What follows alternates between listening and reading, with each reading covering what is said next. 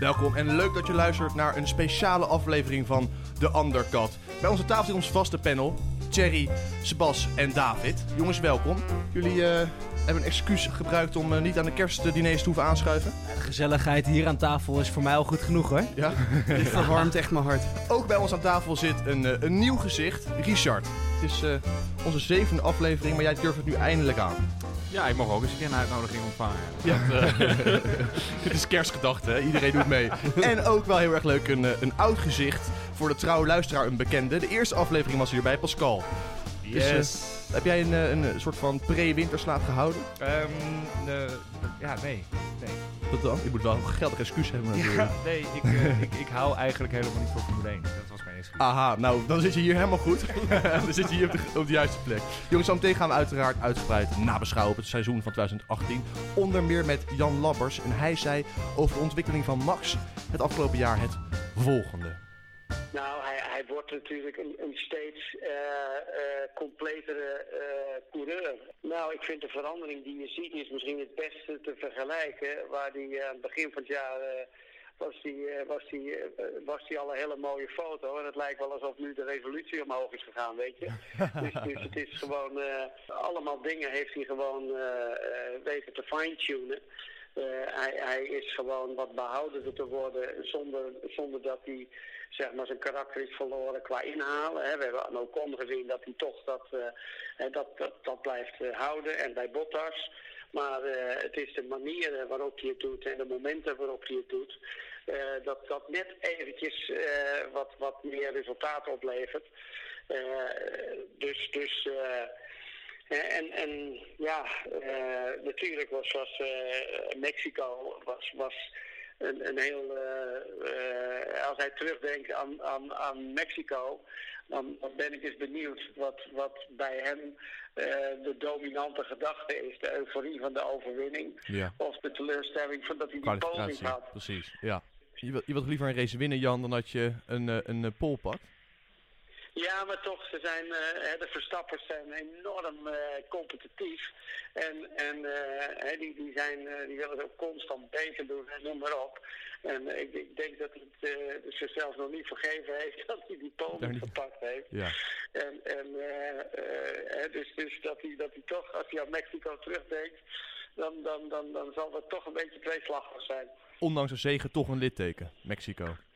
Nou, nee, gewoon naar zichzelf. Dat hij, dat hij ergens in zijn systeem nog iets heeft. Ja, verdomme, die pol had ik ook moeten pakken, weet je wel. Zo, zo gedreven zijn ze gewoon. Ja. Dat, eh, dat alleen over, ik wil niet zeggen dat alleen, eh, alleen winnen het, het, het niet meer doet.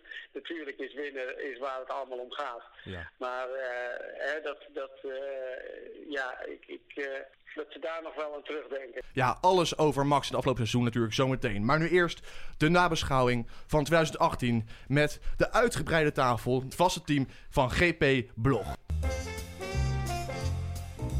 Ja, jongens, er is genoeg na te bespreken. Van, van, van Gasly en Leclerc tot de crashes, tot het uitvallen van Ricciardo, de samenwerking met Renault. De afzwaaiende coureurs natuurlijk. Ongeveer een, eh, een hele grid eigenlijk. Eh, motoren die ploffen. Eh, we gidsen jullie echt door alle belangrijkste punten heen. Maar we beginnen bij eh, nou, de eerste race in Australië. Het was niet echt een droomstart van Max Verstappen. eh, David, mogen we wel stellen. Nee, absoluut niet. Je zag echt dat hij eh, ja, zoveel uit de auto wilde halen wat eigenlijk niet mogelijk was. En daardoor gewoon de fout in ging. Zag jij inderdaad aan de eerste races dat hij probeerde zijn, zijn motorische vermogen te compenseren? Hij heeft minder vermogen en dan probeert hij dan met... Dat is wat je suggereert eigenlijk, toch? Ja, hij was gewoon te veel aan het pushen. En als je dan één foutje maakt, het liep goed af. Hij was niet uit de race, maar ja, wel een beschadigde vloer. Ja, balen, maar eh, niet een al te best begin. Ja, naast ons zit Richard. Richard, hoe keek jij naar die eerste paar races van Verstappen? Nou, ik had de eerste races niet eens zozeer gefocust op, eh, op Verstappen. Maar voor mij was het meer hoe Haas, eh, zeker in Australië, er ontzettend dichtbij zat. En, en ook Fernando Alonso, die, eh, die met McLaren eh, Max achter zich wist te houden. Dacht ik wel van, goh, als dit het nieuwe seizoen is... dan heb je Haas in de voorhoede, opeens bij Red Bull. Eh, McLaren zit er weer bij. Dus ik denk wel, wat, nou, dat, eh, dan gaat Max een, eh, een behoorlijk lastig eh, seizoen tegemoet. Maar Dat was Na een wel paar- deceptie voor Alonso, hè? ja, nee, absoluut. Eh, die dacht ook van, jeetje, ik begin eigenlijk weer eens een keer aan een goed seizoen. Maar dat, eh, is wel snel gedaan met de pret een voor Alonso. Ja, now, ja. now we can fight. Ja, nou niet Ja. meer. Ja, Cheers, Bas. Hoe kijken jullie daarnaar? Hadden jullie, hadden jullie zien aankomen eigenlijk? Of niet? Op basis van een test in Barcelona daarvoor. Nou ja, het was natuurlijk wel te verwachten dat Red Bull er niet eh, per direct bij zat. De openingsrace in eh, Australië, dat was ja, eigenlijk zoals we een beetje hadden verwacht. Maar wat ik wel mooi vond om te zien in Australië, is dat je gewoon gelijk zag dat het middenveld wel echt eh, serieuze stappen had gemaakt. En daar hebben we eigenlijk het hele jaar best wel een mooie, mooie battle hebben daar gezien. Ik vond eigenlijk de grootste deceptie eh, de livery van de RB14. Ik had eigenlijk echt gehoopt dat ze die mooie eh, livery tijdens de wintertest eh, zouden Ja, meenemen. de Disruptable. eh, Ja, ja, dat. Jij, jij bent vooral bezig met hoe het eruit ziet in Ja, plaats van hoe ze rijden. Ja, zo ben ik heel erg ingesteld. ja. Ja. Lekker oppervlakkig ingesteld. Nee, ik ben blij dat je het eindelijk eens eh, voor Sebas hebt, die eh, zo vaak in de spiegel kijkt. Elk haartje zit perfect, dus eh, het verbaast me niks. Ik moet wel eerlijk zeggen, die andere livery was ook wel echt veel mooier. Ja, wat vond je dan zo mooi aan? Eh, alles. Vooral die omdat, er- vooral omdat er mannen man. in zitten. Ja, Dacht ik ook. Jongens, wat was dan het keerpunt? Waar, waarvan dachten jullie, hey, hier is een omslag. Max eigenlijk kantelt het in zijn voordeel weer. De eerste zes races gingen niet helemaal vlekkeloos, om het eh, met een gevoel voor understatement te zeggen. Spanje. Ja, iedereen zegt Monaco, maar ik denk dat het hele kantelpunt in Spanje al eh, zichtbaar was. Nou ja, goed, alles ging eindelijk gewoon weer voor de wind. Hij heeft natuurlijk heel veel pech gehad in de eerste paar races. En in Spanje zag je gewoon dat alles goed ging. Je zag ook, eh, nou, voor hoeverre wij dat dan natuurlijk kunnen zien op beeld, zagen we dat de dynamiek binnen het team, dat, dat er ook gewoon weer rust was. En ik denk dat dat heel erg belangrijk is geweest voor Verstappen. En ik kijk nu naar David, want die, die, er brandt iets op zijn lippen. Nou ja, kijk, pech, pech. Hij is gewoon, ja, hij, te veel, hij wilde te veel in het begin van het seizoen. En ja, pech wil ik het niet noemen. Ik denk dat hij heel veel ervan heeft geleerd. En vanaf Spanje is er eigenlijk een lijn ontstaan eh, waardoor hij zo steeg. Want die, die, die heeft hij volgehouden. Maar pech wil ik het niet noemen. Ik vond het wel echt eh, dat het wel echt zijn eigen fouten waren. De David zegt zijn eigen fouten. Sebas zegt het is eigenlijk meer de pech die hij heeft. Hoe, hoe kijken de rest van de mannen daarnaar, Richard? In zekere zin, zeker die eerste paar races, als je kijkt bijvoorbeeld naar China, dat hij daar te gretig voorbij Vettel Ja. wilt. Waar je makkelijk nog een ronde had, had kunnen wachten, wat, wat Ricciardo eh, bijvoorbeeld ook deed. Ja, dan, dan is dat inderdaad wat David zegt, te gretig willen. Eh, maar in Monaco was het, was het denk ik wel pech. Dat was, als daar niet iemand had gereden, dat was eh, een Williams reed er volgens mij. En dat hij dan net er voorbij wilde in die bocht en vervolgens zet hij hem in de muur en dan wordt de auto niet op tijd gerepareerd. Ja, dat, is- dat is inderdaad wel gewoon pech. Ja, Ja, maar het is wel exact hetzelfde wat er ook in 2016 was gebeurd. Op exact hetzelfde punt. Ja, Re- Richard, misschien even handig om erbij te pakken. Je refereert op het moment dat hij naar de snelle ronde rijdt. Dus een derde vrije training. Voor hem rijdt een langzamere auto. Daardoor moet hij een beetje van zijn lijn af. Hij gaat verder naar links. Daardoor heeft hij dus niet de ideale aandrijflijn voor die bocht om binnenkant te pakken. En knalt hij zijn ophanging rechtstuk. Plant hij in de muur. Dat is terug te voeren, zeg jij, op die auto die voor hem rijdt. Nou ja, dat is misschien wel een klein beetje af- afsplitsen op die persoon. Maar zeker op Monaco, je hebt daar nauwelijks ruimte. Dus je weet dat elk klein dingetje net een andere lijn aansnijdt. En zeker als je het niet in, in de gaten hebt of je verwacht het niet. Dan denk ik dek- zeker dat dat net voor een andere lijn zorgt. En inderdaad net, ja, in Monaco is dat onvergeeflijk. Die, die muur buigt niet mee. En dat, dat wist Max. Ja. en nu weet Dus hij dat het was nog een geen keer. ongeluk, toch? Het was gewoon zijn eigen fout. Nou ja, deels de, dus de fout van Max. Maar je kan ook zeggen van, god, die persoon die ervoor reed, ja, eh Je kan niet onhandig. verdwijnen het niets, toch, Richard? Ik bedoel, het is gewoon niet zo van, nou, ik uh, simsalabim, Hans Klok. Nee, dat klopt. Maar je hebt natuurlijk ook een, een team aan de pitmuur zitten die weet van of er iemand voor je rijdt of niet. En die had ook misschien kunnen zeggen, dat denk je zeker in het begin ook van het seizoen. En dat had ze in, in Baku ook tussen eh, Ricciardo en Max. Dat het team wat vaak in had kunnen grijpen toen ze zagen dat het misging. Ik bedoel, als je zes races nodig hebt om tegen een coureur te zeggen, goh, misschien moet je wat rustiger aan doen. Ja, dan kan je afvragen, goh, had je dit na drie races moeten doen? Bij Baku vond ik het juist wel heel spectaculair dat ze zo erg aan het knokken waren, toch? Tegen elkaar. Dat vond Ja, ik nee, juist- zeker. Ja, Tot, het- grandioos, het ja. misging. eh. Nee, de nee, afloop is niet ideaal. Maar het is interessant, want dus Sebas zegt, oké, hij maakt vooral eigenlijk, hij, heeft, hij, hij is eh, het slachtoffer van pech. David zegt, Oh, nou, nou, vooral... Dat wil ik wel eventjes nuanceren. Dat, dat heb ik nou ook weer niet zo bedoeld. Dat, eh, hij is natuurlijk, hij heeft ook een... ja, jij komt onmiddellijk terug op je woorden. Ja, ja. Kijk, ik, ik zie de reacties alweer voor me op de site. Van, eh, nee, kijk, hij heeft inderdaad een aantal dingen gewoon niet slim gedaan. Dat zal je mij zeker ook horen zeggen. Maar ik denk dat er ook wel een aantal dingen, dat, dat hij ook wel gewoon pech heeft gehad. En ik denk dat Richard ook wel terecht iets aanhaalt. Dat het team af en toe zeker gewoon wel even had kunnen ingrijpen. En dat is ook wel in de tweede helft van het seizoen hoor. Hadden ze dat ook nog wel kunnen doen. Het is interessant. To- toch zeg jij, er zijn een aantal fouten gemaakt. Er zijn een aantal pech. David zegt vooral de nadruk op de fouten. En Richard nuanceert dat beeld. We kunnen eigenlijk eenzelfde discussie voeren bij een ander topteam. Dat bij Mercedes. Bottas, Valtteri Bottas, had ook niet helemaal de droomstart.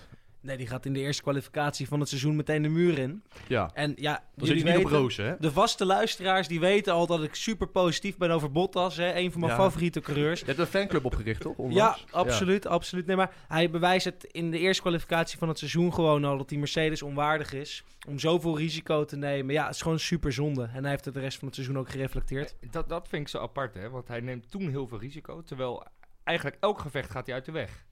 Weet je, op het moment dat iemand hem wil inhalen of dingen. Maar dus, ik, ik heb het idee dat hij het gevecht niet aan durft te gaan, omdat hij weet, hij is heel bang om de fout in te gaan. Het is een onzekerheid bij hem. Ehm, ik, ik zal, precies zoals ik de vorige keer zei, als Ricciardo, aan- Ricciardo aan je binnenkant zit, dan weet je, die gaat een divebomb doen. Gooi die binnenkant dan dicht en laat hem het buitenom proberen. Ja, dat soort dingen, dat durft hij allemaal niet. En dan vind ik, dan ben je Mercedes onwaardig. En ja, dat ja, maar eh, los daarvan ook iedere keer als hij eh, een beetje druk krijgt in zijn spiegels, weet je, gelijk een bandje ja, verremmen. altijd banden- verremmen. We hebben, dat, we, Ja. hebben dat, we hebben dat gezien in Hongarije, we hebben dat eh, ook weer in eh, Abu Dhabi hebben we dat weer gezien. En dat gebeurt ook gewoon keer op keer. En Ja, eens. Ja, Mexico ook trouwens. Toen gingen ze allebei Ja. de mist in, Hamilton en Bottas. Wat Ja. verdient hij eigenlijk, Bottas? Goeie vraag. Zou niet weten. Ik zou, ik zou er wel de podcast voor opgeven, moet ik eerlijk zeggen. Ja, jongens, jullie zijn wel heel negatief Ben- ben- over Bottas hoor. Want ik ben, ik ben eventjes weer in de archieven gedoken. En dacht kijken of we ook nog De iets lijstjes, positiefs... man. De Hey. lijstjes, man. Even kijken of we nog iets positiefs kunnen vinden over Bottas.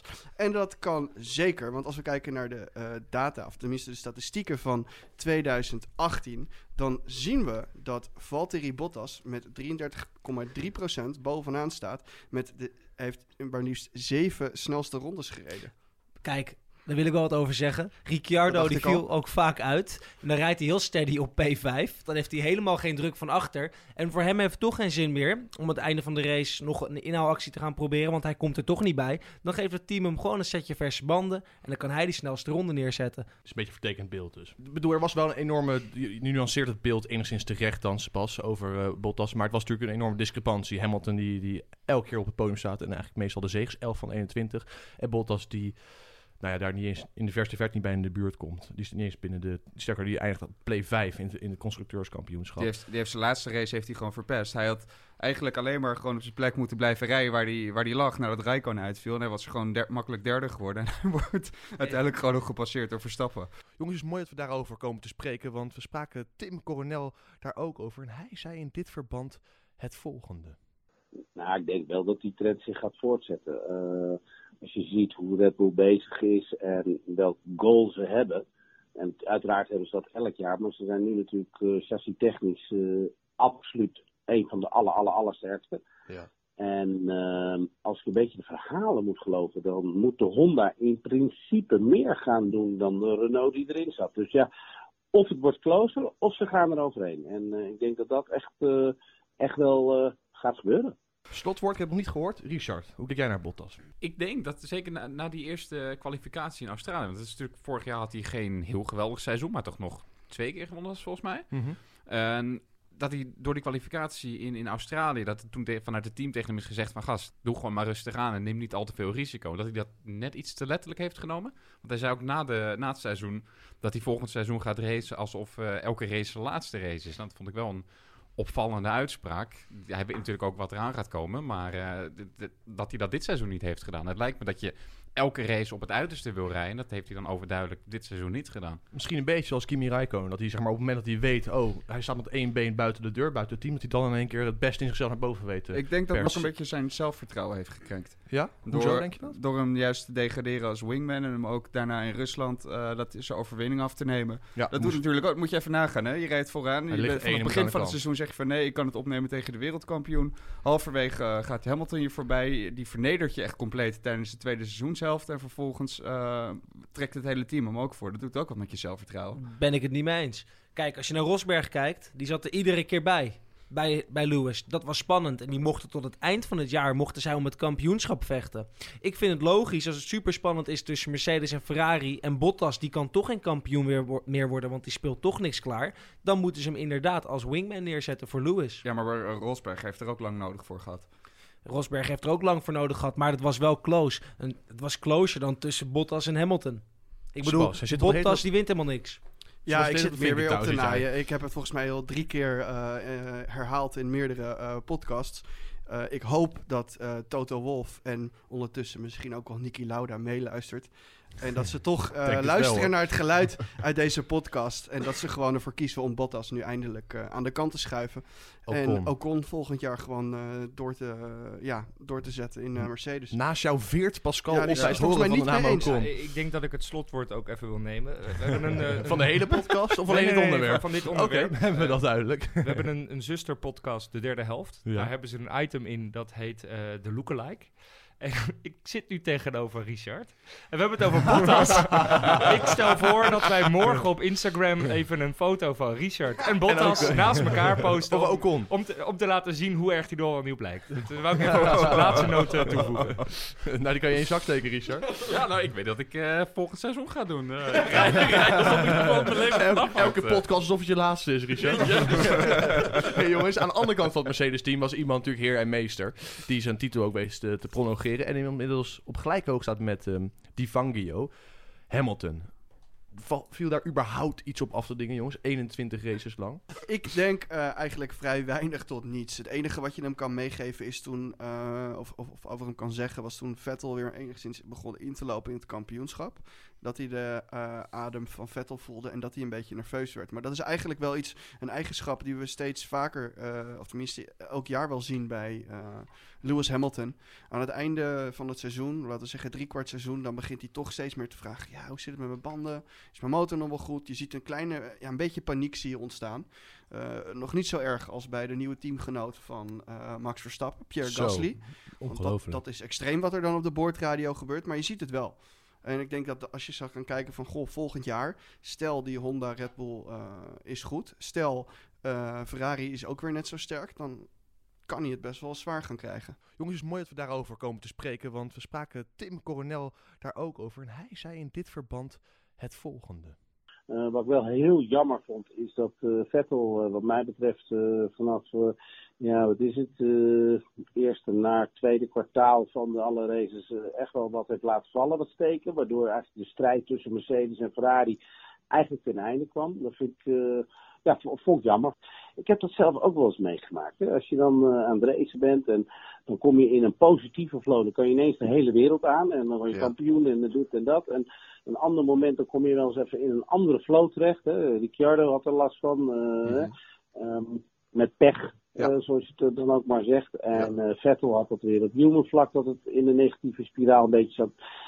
Ja, dat is even lastig. Maar je moet je ook voorstellen dat als je een auto onder je kont hebt. ehm, en waarmee je eigenlijk dezelfde snelheid als de Mercedes kan hebben, hoef je ook niet zo telkens over de streep te gaan. Dus hoef je jezelf niet naar die limiet te brengen. ehm, ehm, zodat die fouten ontstaan. Dus ja, het, het, het is een tweespeling. En, eh, en ik moet eerlijk zeggen, eh, ik, ik, ik gun het Ferrari heel erg. Want eh, ja, dat is natuurlijk een heel markant merk. En Ja. met hoeveel passie die in, in, in deze sport staan. Ja. Ehm, dus ja, laten we hopen dat de drie, of misschien wel vier, of een vijfde team er nog bij komt volgend jaar. Om, eh, om de strijd nog, eh, nog spannender te maken. Jongens, hoe kijken jullie daarnaar? Hamilton, de druk, het, eh, de druk van Ferrari slash Red Bull. Lewis is mentaal gewoon heel erg sterk. En ja, die dingetjes met zijn auto, de vibrations die hij altijd voelt. Daar heeft hij altijd last van. Maar hij presteert er wel gewoon onder. Dat de banden het niet goed doen, daar kan hij niet superveel aan doen. Want die Mercedes is er gewoon niet zo goed op. Maar ja, Vettel cracked under pressure en hij niet. En dat is het verschil. Daarom is hij kampioen geworden dit jaar. Sure. Eens. Ja, ik vind dat Hamilton het gewoon fenomenaal heeft gedaan. Ook gewoon nadat hij überhaupt het wereldkampioenschap heeft binnengesleept. Normaal gesproken is dat, dat eigenlijk altijd het moment dat hij echt gewoon helemaal inzakt. Inkakt, ja. En ja, hij heeft, het- dit jaar heeft hij gewoon zijn goede vorm vastgehouden. Dus volkomen terecht. Um, zagen we wellicht ook al aankomen. Die gast is in bloedvorm. We hebben het over kampioen, eh, Lewis Hamilton. Er is natuurlijk ook een ander ehm, tweevoudig wereldkampioen die dit jaar afzwaaide. Dat is Fernando Alonso. Gaan we hem missen, jongens? De boordradio sowieso. Ja. ja. Ja, dat- GP2 engine, hé. nou, dat is gewoon wat je dat noemt, de boordradio. We, we hebben het even een kleine compilatie gemaakt van de beste boordradio's van het afgelopen jaar. En niet geheel eh, verrassend zit Alonso daarbij. Laten we even luisteren. For grabs, mate. There's a point here for grabs. Let's go get him. Let's go get him. More performance. Multi C2, position one, please. C2, position one. I have 1,800 points. Well, for me, make it 1,801. Hij, heeft hij hier een puntje of zeggen jullie dit kan eigenlijk niet? Ja, dat puntje Nou ja, kan dat- er niet. eh. Nee. ja, nou, dat ene puntje dus niet, inderdaad. Waar gaan we missen, jongens? De Spanjaard. Ja, absoluut. Ik bedoel, hij, is, hij heeft het gewoon de afgelopen jaren heeft hij het niet kunnen laten zien in die McLaren. En dat is eigenlijk doodzonde. Hij, is natuurlijk wel een beetje eh, eh, ja, typerend voor hem door, eh, door naar McLaren te vertrekken. En daar weer niet echt een hele goede keuze te maken in zijn carrière. Maar alsnog, het is wel gewoon een fantastische coureur. Weet je, ook gewoon die momenten zoals vorig jaar dat we zagen in Mexico. Het gevecht tegen Hamilton. Dat, eh, ja, dat hadden we eigenlijk gewoon veel vaker willen zien de afgelopen paar jaar. Alleen helaas is dat er niet van gekomen. Sebas? Ik zie hem eigenlijk nog wel terugkomen. Ja, dat spek- hij houdt de deur Hij een houdt de beetje deur open. open. Ze, eh, eh, Briatore heeft het natuurlijk ook al gezegd. Als Ferrari belt, dan eh, neemt hij direct op. Ik zie hem nog wel misschien terugkomen in 2020. Welk team? Sauber.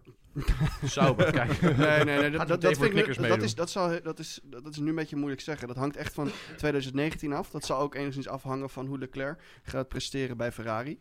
Mocht ja, Leclerc toch behoorlijk gaan, fa- gaan falen, dan bestaat de kans dat eh, Mauricio of de top aan Ferrari halverwege de zomer eh, Alonso gaat bellen. Aan de verre horizon van 2020 gloort een terugkeer van Alonso bij Ferrari. Met die kennis gaan we naar het tweede fragment van de boordradio's van 2018. Want eh, de redactie als geheel verkozen als een van de beste momenten. Of eigenlijk is dit een dieptepunt. Max in Hongarije. Yeah, okay, fuck it. Uh, stop the car, please, on track, Max. Stop the car, please. Fuck! What a fucking joke all the fucking time with this shit, honestly. Ah. Het is een beetje de reactie na als wij een podcast hebben opgenomen. Toch? Ik, ik, ik wil ook dan even nu oproepen dat we hier zo'n meme van maken. Ken je dat filmpje van die gozer die zo met zijn kop tegen de lamp loopt? Dat is zo, fuck, fuck, fuck. Dat we die even maken dan met Max. Dat lijkt me heel leuk. Maar Max heeft meestal een helm op, hè? Dat scheelt. Dan wordt het nog leuker. Jongens, eh, het was natuurlijk een, een, een, een ramp. Een, een, zeg maar een, een, een rampenhuwelijk. De samenwerking tussen Renault en Red Bull dit jaar. Dat vind ik van, ja, van deze radio, of bordradio. Het is een beetje een samenvatting van alles wat bij elkaar komt. Met eh, ja, van alle jaren Red Bull Renault. Zo komt, het, zo komt het een beetje op mij over. Dus een samenballing hiervan. Ja, absoluut. Het is gewoon, maar het is ook gewoon een samenvatting van die hele samenwerking. Want het is nooit echt een succes geweest. Ik bedoel, kijk naar de uitvalbeurt van Ricciardo en Max bij elkaar. Dit seizoen Ricciardo, vorig jaar Max. Ja, dat hoort gewoon niet. Ja, maar dat is wel een kleine kanttekening. Dat niet alles aan de Renault-motor eh, te verwijten valt. Nee, oké, maar wel heel veel wel hoor. je, je zou eigenlijk de hele samenwerking met Renault zou je kunnen opsplitsen in twee delen. Eigenlijk het hele V8, eh, eh, de V8-periode, die toch behoorlijk succesvol was. En daarna Ja, de... maar dat was meer vanwege het eh, chassis ook van Red Bull. Tuurlijk, maar de, de, de- motor heeft er wel enigszins een aandeel in gehad. Ze hebben het wel samen bereikt. Het is een partnership. En vervolgens zie je eigenlijk vanaf die, die V6-motors intrede heeft gedaan, is eigenlijk alles gewoon, ja, shit. Nou ja, kijk, wat, wat jij inderdaad zegt, Jerry. Het is niet lang altijd de motor. En dat klopt. Maar als je kijkt naar welke eh, onderdelen van, die vanuit Renault worden geleverd aan, aan Red Bull. Dus bijvoorbeeld ook de, de energieopslag. Die wordt ook vanuit Renault aan eh, Red Bull gegeven. Dus als alle lampjes op de display uitgaan, is dat in zekere zin de schuld van Renault. Die leveren de onderdelen. Dan kan er wel worden gezegd, ja, maar bij Renault vallen ze niet uit. En dus dat ligt aan Red Bull die er wat mee doen. Alleen er loopt in de garage van Red Bull altijd één monteur van Renault rond. Die verantwoordelijk is voor al de spullen die vanuit Renault komen.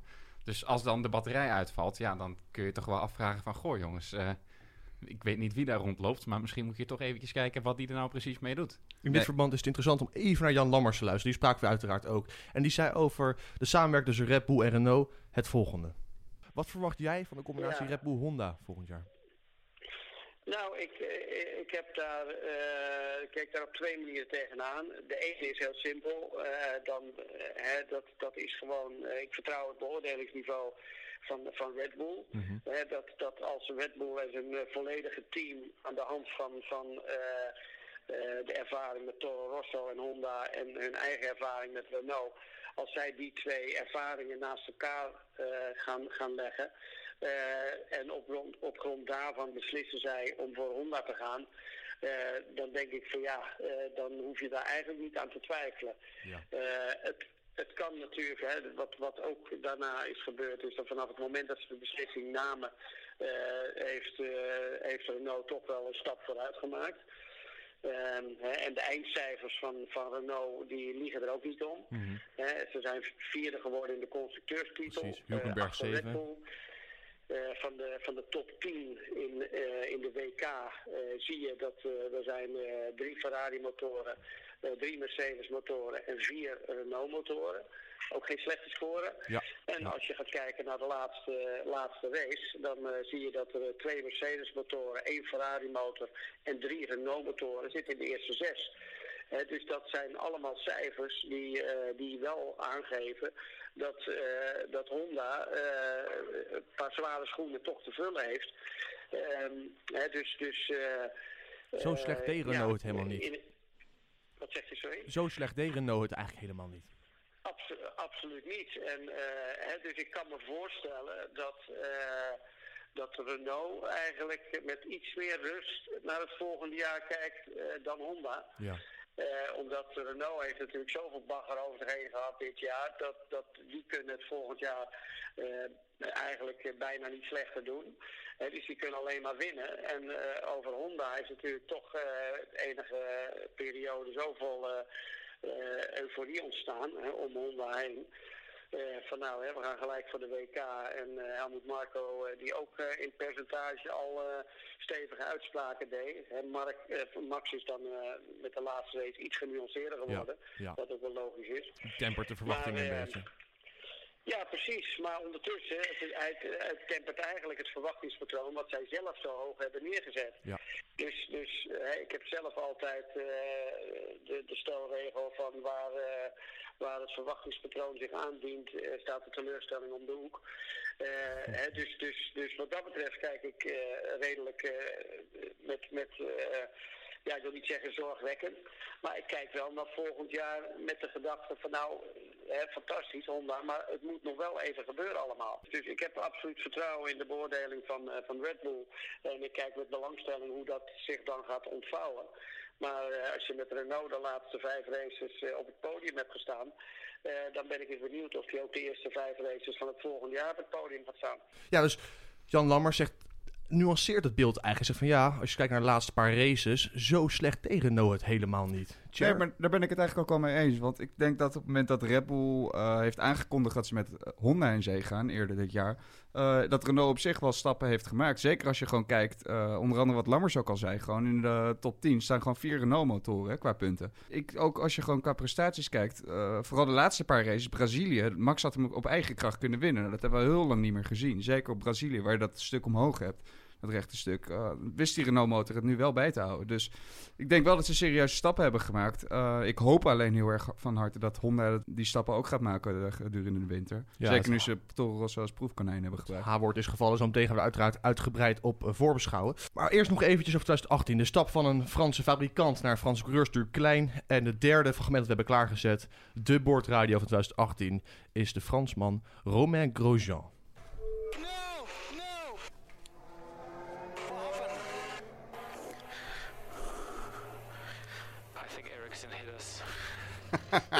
Ja, dit was wel een dieptepuntje. Bas, kun je even, mocht de luisteraar het niet meteen paraat hebben, kun je even uitleggen wat hier gebeurde? Nou, dit gebeurde in Baku.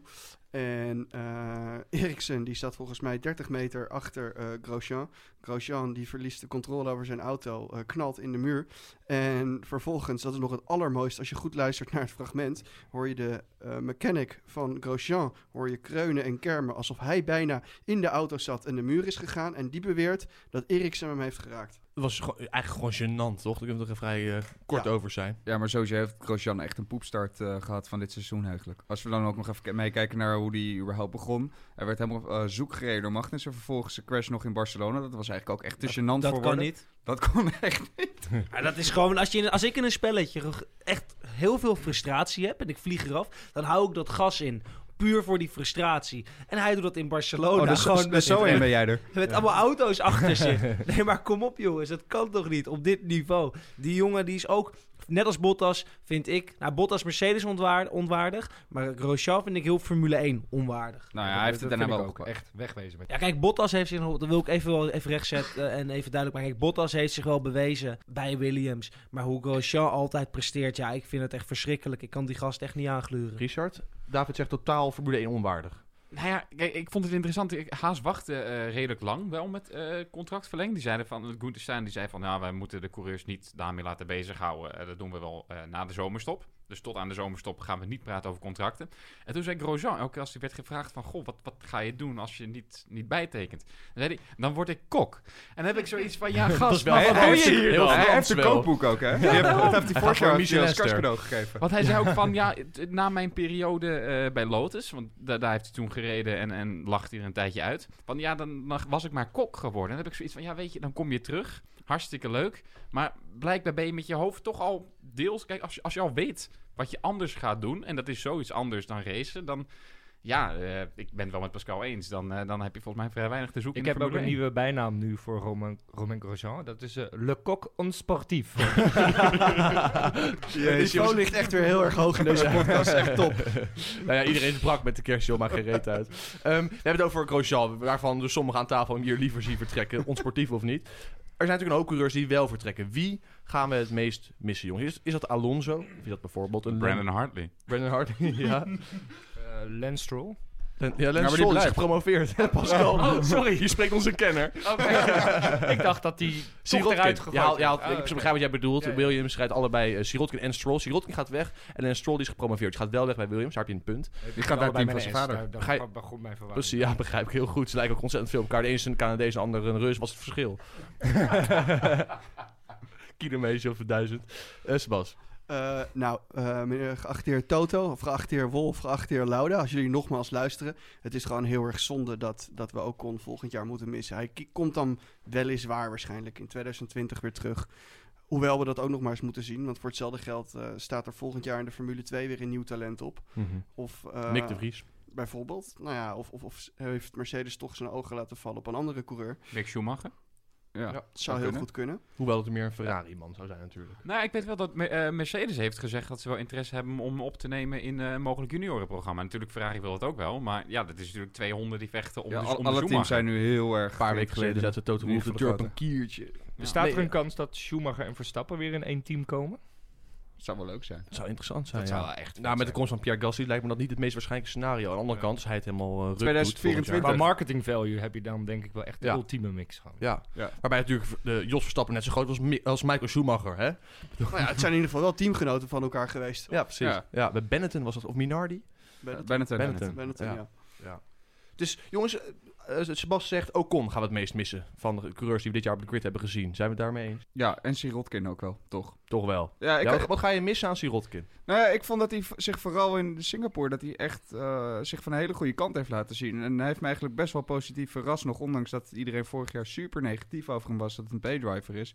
Is hij wellicht een beetje met al dat sponsorgeld. Maar ehm, laat ik het zo zeggen, het is niet dat hij, dat hij zeg maar echt een supertalent is, maar ik had hem graag nog een seizoen erbij willen zien. Hij heeft wel gewoon eh, een aantal coureurs het wel lastig gemaakt in een wagen die gewoon echt niet vooruit te branden is. Ik bedoel, Williams, die streed eh, tegen het einde streden zo'n P19, P20 en dan voornamelijk tegen zichzelf. Dus ja, als debutant, hoe kan je daar in godsnaam in bewijzen? Het is grappig, want jij zegt eh Sirotkin, jij zegt Ocon. Richard noemt heel even Hartley. En dat is, dat, dat is een- misschien een, inderdaad een verrassing voor ons allemaal. Maar daar zei Jan Lammers het volgende over. Brandon Hartley. Mensen als, als Max en Hamilton, eh, die deden natuurlijk een supergoeie job. Ja. Eh, zoals, zoals gewoonlijk. Maar, eh, maar daarnaast vond ik toch ook wel een aantal dingen verrassend. Want want eh, juist omdat men eh, Leclerc, zo, eh, Leclerc zo hoog heeft zitten, Ja. vond, ik, vond ik dat in de verhouding Eriksson toch ook nog goed bezig was. En hetzelfde geldt eigenlijk met het verschil tussen Hartley en Gasly. Ehm, dat dat ja, de, de- een aantal keren stond Hartley toch voor Gasly. En de laatste race, die verschillen die waren toch, ja, toch niet zo heel groot. En soms eh, was, was eh, Hartley ook eh, de, de, de betere partij. Ja. Dus ehm, ja, natuurlijk, eh, hè, ik ben natuurlijk ook een van die autocoureurs die het net niet gehaald heeft. Dus ik heb ook nog een beetje compassie eh, met dat soort mannen die dan, eh, hè, die dan misschien wat, wat meer credit verdienen. Ja, ja. Maar, nou, even, even goed, Jan, de coureurs die ja. het net niet gehaald heeft, dat is jouw perceptie, hè? Ik bedoel, dat is je hebt een carrière nee, waar heel velen van dromen. Ondergetekende inclusief. Ja, nee, maar, nee, maar goed, in de, in de, in de Formule 1 eh, en is, is dat natuurlijk gewoon eh, een feit.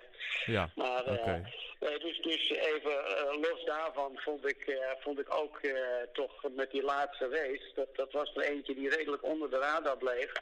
Maar als je zag hoe Sainz die laatste race met de Renault toch heel solide op die zesde plaats rondreed. Mhm. En dat ze de rondetijden ook verrekken dicht in de buurt zaten, zo tegen het einde. Eh, ja, vond ik dat, eh, dat Sainz toch ook wel op een redelijke high heeft afgesloten. Ja. Het is, grappig, je verlegt inderdaad de focus naar de, naar de coureurs die voor de hand liggen. Inderdaad Sainz en ook Hartley en Ericsson. Zou jij dan met name die laatste, ik bedoel Sainz zien we volgend jaar natuurlijk terug. Zou je eh, Hartley nog een kans willen geven, eh, Jan? Zou je hem volgend jaar eigenlijk willen terugzien op de grid, bedoel ik daarmee te vragen? Nou, ik vond het wel een mooi mens. Het is een van die, van die mannen die gewoon compleet no-nonsense eh, was en, en geen woord te veel zei. Eh, en, en, eh, en, en wel een echte racer, weet je. Dat, dat, hij, hij liet niet in één keer zomaar het kaars zijn brood eten door Gasly Nee. natuurlijk. Nee. En, en hij heeft zich absoluut die, die laatste vier, vijf races toch flink in het team gevochten hè, en, een, en een goede bijdrage geleverd. Dus ehm, hè, de- misschien, misschien is dat eh verraadt dat een klein beetje toch mijn affiniteit met sportscars. En dat hij daar vandaan komt. Ja. Eh, dat, dat, eh, ik, ik vond toch dat hij, dat hij goed overeind bleef. En onder moeilijke omstandigheden vaak. De zesde gekwalificeerd in de Suzuka. Ja, dus dat, dat vind ik toch allemaal wel, wel hele duidelijke signalen dat hij absoluut iets kan. Ja. En het is jammer dat er maar eh, 20, eh, eh, 20 auto's in de staan. Ja. In mijn tijd waren het natuurlijk 24, soms 26. Ja. Ehm, dus dus eh, ja, eh, en nu eh, die- nieuwe namen, dat wil je ook wel graag zien. Met name ook omdat helaas dan Nick de Vries niet in de Formule 1 zit. Maar eh, aan de hand van die andere mannen hebben we, vol, hebben we jaar wel een beeld hoe Nick het gedaan zou hebben. Want hij, Ja. eh, hij heeft toch absoluut vergelijkbaar gepresteerd met dat soort mensen. Ja. Dus ik ben benieuwd. Ben benieuwd. Ja, Hartley die deed dus helemaal zo gek nog niet. David, ik heb jou nog niet gehoord. Wie ga jij het meest missen? Ehm, natuurlijk Ocon. Zonder dat zo'n talent uit de Formule 1 vertrekt. Hij wordt weliswaar testrijder bij Mercedes, maar ja, dat maakt hem natuurlijk niet goed. Ja, jammer dat Stroll, eh, papa Stroll het team heeft gekocht, maar eigenlijk had Ocon gewoon in dat stoeltje moeten blijven zitten. Ik hoorde dus meerdere keren Ocon. Volgens Jan Lammers dus Hartley. En nou, Richard, als jij eh, serieus, je, je, je gekscherend zei je net eh, inderdaad Hartley. Nou, Jan Lammers is het eigenlijk daar wel met je eens, als het geen grap was. Wie mis jij het meeste? Nou, ik, natuurlijk, in zekere zin Fernando Alonso, want die, voegt natuurlijk echt dat clowns karakter van hem, dat voegt echt wel wat toe. Maar ik, ik vind oprecht, vind ik het jammer dat Hartley eh, wederom zijn plekje verliest. Als in hoe hij zijn, de eerste keer uit de Formule 1 verdween, dat was redelijk onfortuinlijk. En daarna heeft hij zich echt goed opgepakt. Eh, Wat hij heeft laten zien in eh, 24 uur van Le Mans, dat, dat, dat was gewoon echt super puik. En dan is het, je komt bij een, bij een team terecht dat, dat proefkonijn gaat spelen. Nou, dat is sowieso wel zonde. En de seizoenstart die hij had, dat, dat is gewoon niet goed voor je zelfvertrouwen. Dat, dat- je wordt in de muur gereden in, eh, wat was het, in Canada was het volgens mij, door, eh, door een zekere Lance Stroll. Dat je denkt, goede thuisrace heeft hij. Topcoureur, toch? Maar dat je denkt van, ja, het is... Aan de ene kant, ja, dit is gewoon zonde voor zo'n, voor zo'n iemand die dan een tweede kans krijgt en, en daar dan ja, geen gebruik van maakt. Tuurlijk, er is tegen hem gezegd van, goh, je moet nu echt beter gaan presteren, want anders dan vlieg je eruit. Nou, dan is het niet handig dat je dan niet beter gaat presteren. Maar aan de andere kant, ja, hoe goed kun je presteren als je inderdaad in een natte dwel rijdt? Eh, kijk maar naar Sirotkin.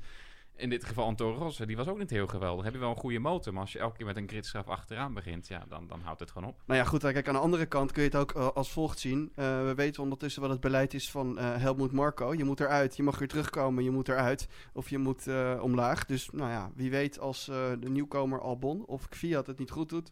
zien we hem toch volgend jaar ergens weer terug. Over terugkomen gesproken, hè, Kwiat. Ja, maar goed, dat is natuurlijk wel voor 2019. Over Kwiat later meer, jongens. Je gaat het even bij laten. Ja, jongens, we gaan, dit is wat wij er allemaal van vinden. Maar we hebben ook besloten om dit jaar de beste reaguurder van het afgelopen jaar te kiezen. En eigenlijk is unaniem gekozen voor Wise Nose. En we hebben besloten om hem even te verrassen met een belletje. Kan natuurlijk zijn dat hij niet opneemt, maar we gaan de proef op de som nemen. We bellen Wise Nose. Hopen dat hij opneemt.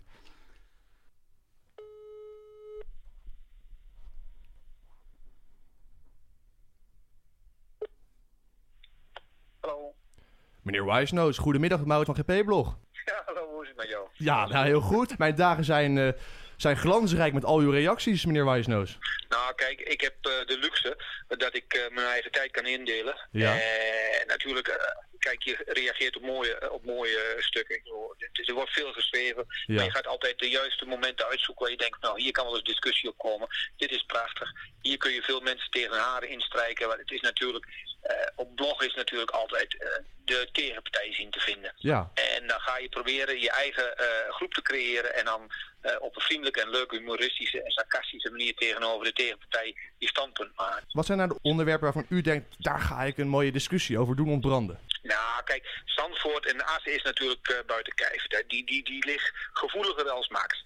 Verder, de tweede is natuurlijk eh, wie wordt de volgende wereldkampioen? Ja. Max Verstappen of eh, de, Gasly of gaat het Hamilton weer worden? Wat, hoe zou u die vraag beantwoorden eigenlijk? Nou, hoe zou je graag willen? En hoe zou je, en wat zou je denken? Denken is het op, op, op dit moment dat, dat Honda nog niet gericht is. Ze hebben nog niet getest met het nieuwe chassis.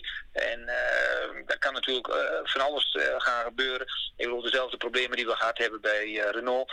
Maar ja, diep in je hart hoop je natuurlijk, want ik volg Max al heel lang. Ik volg de formule al, al, al vanaf 1968, Niki Lauda tijd al. 1968, Eh, kijk iemand als, als, als, wat zegt u?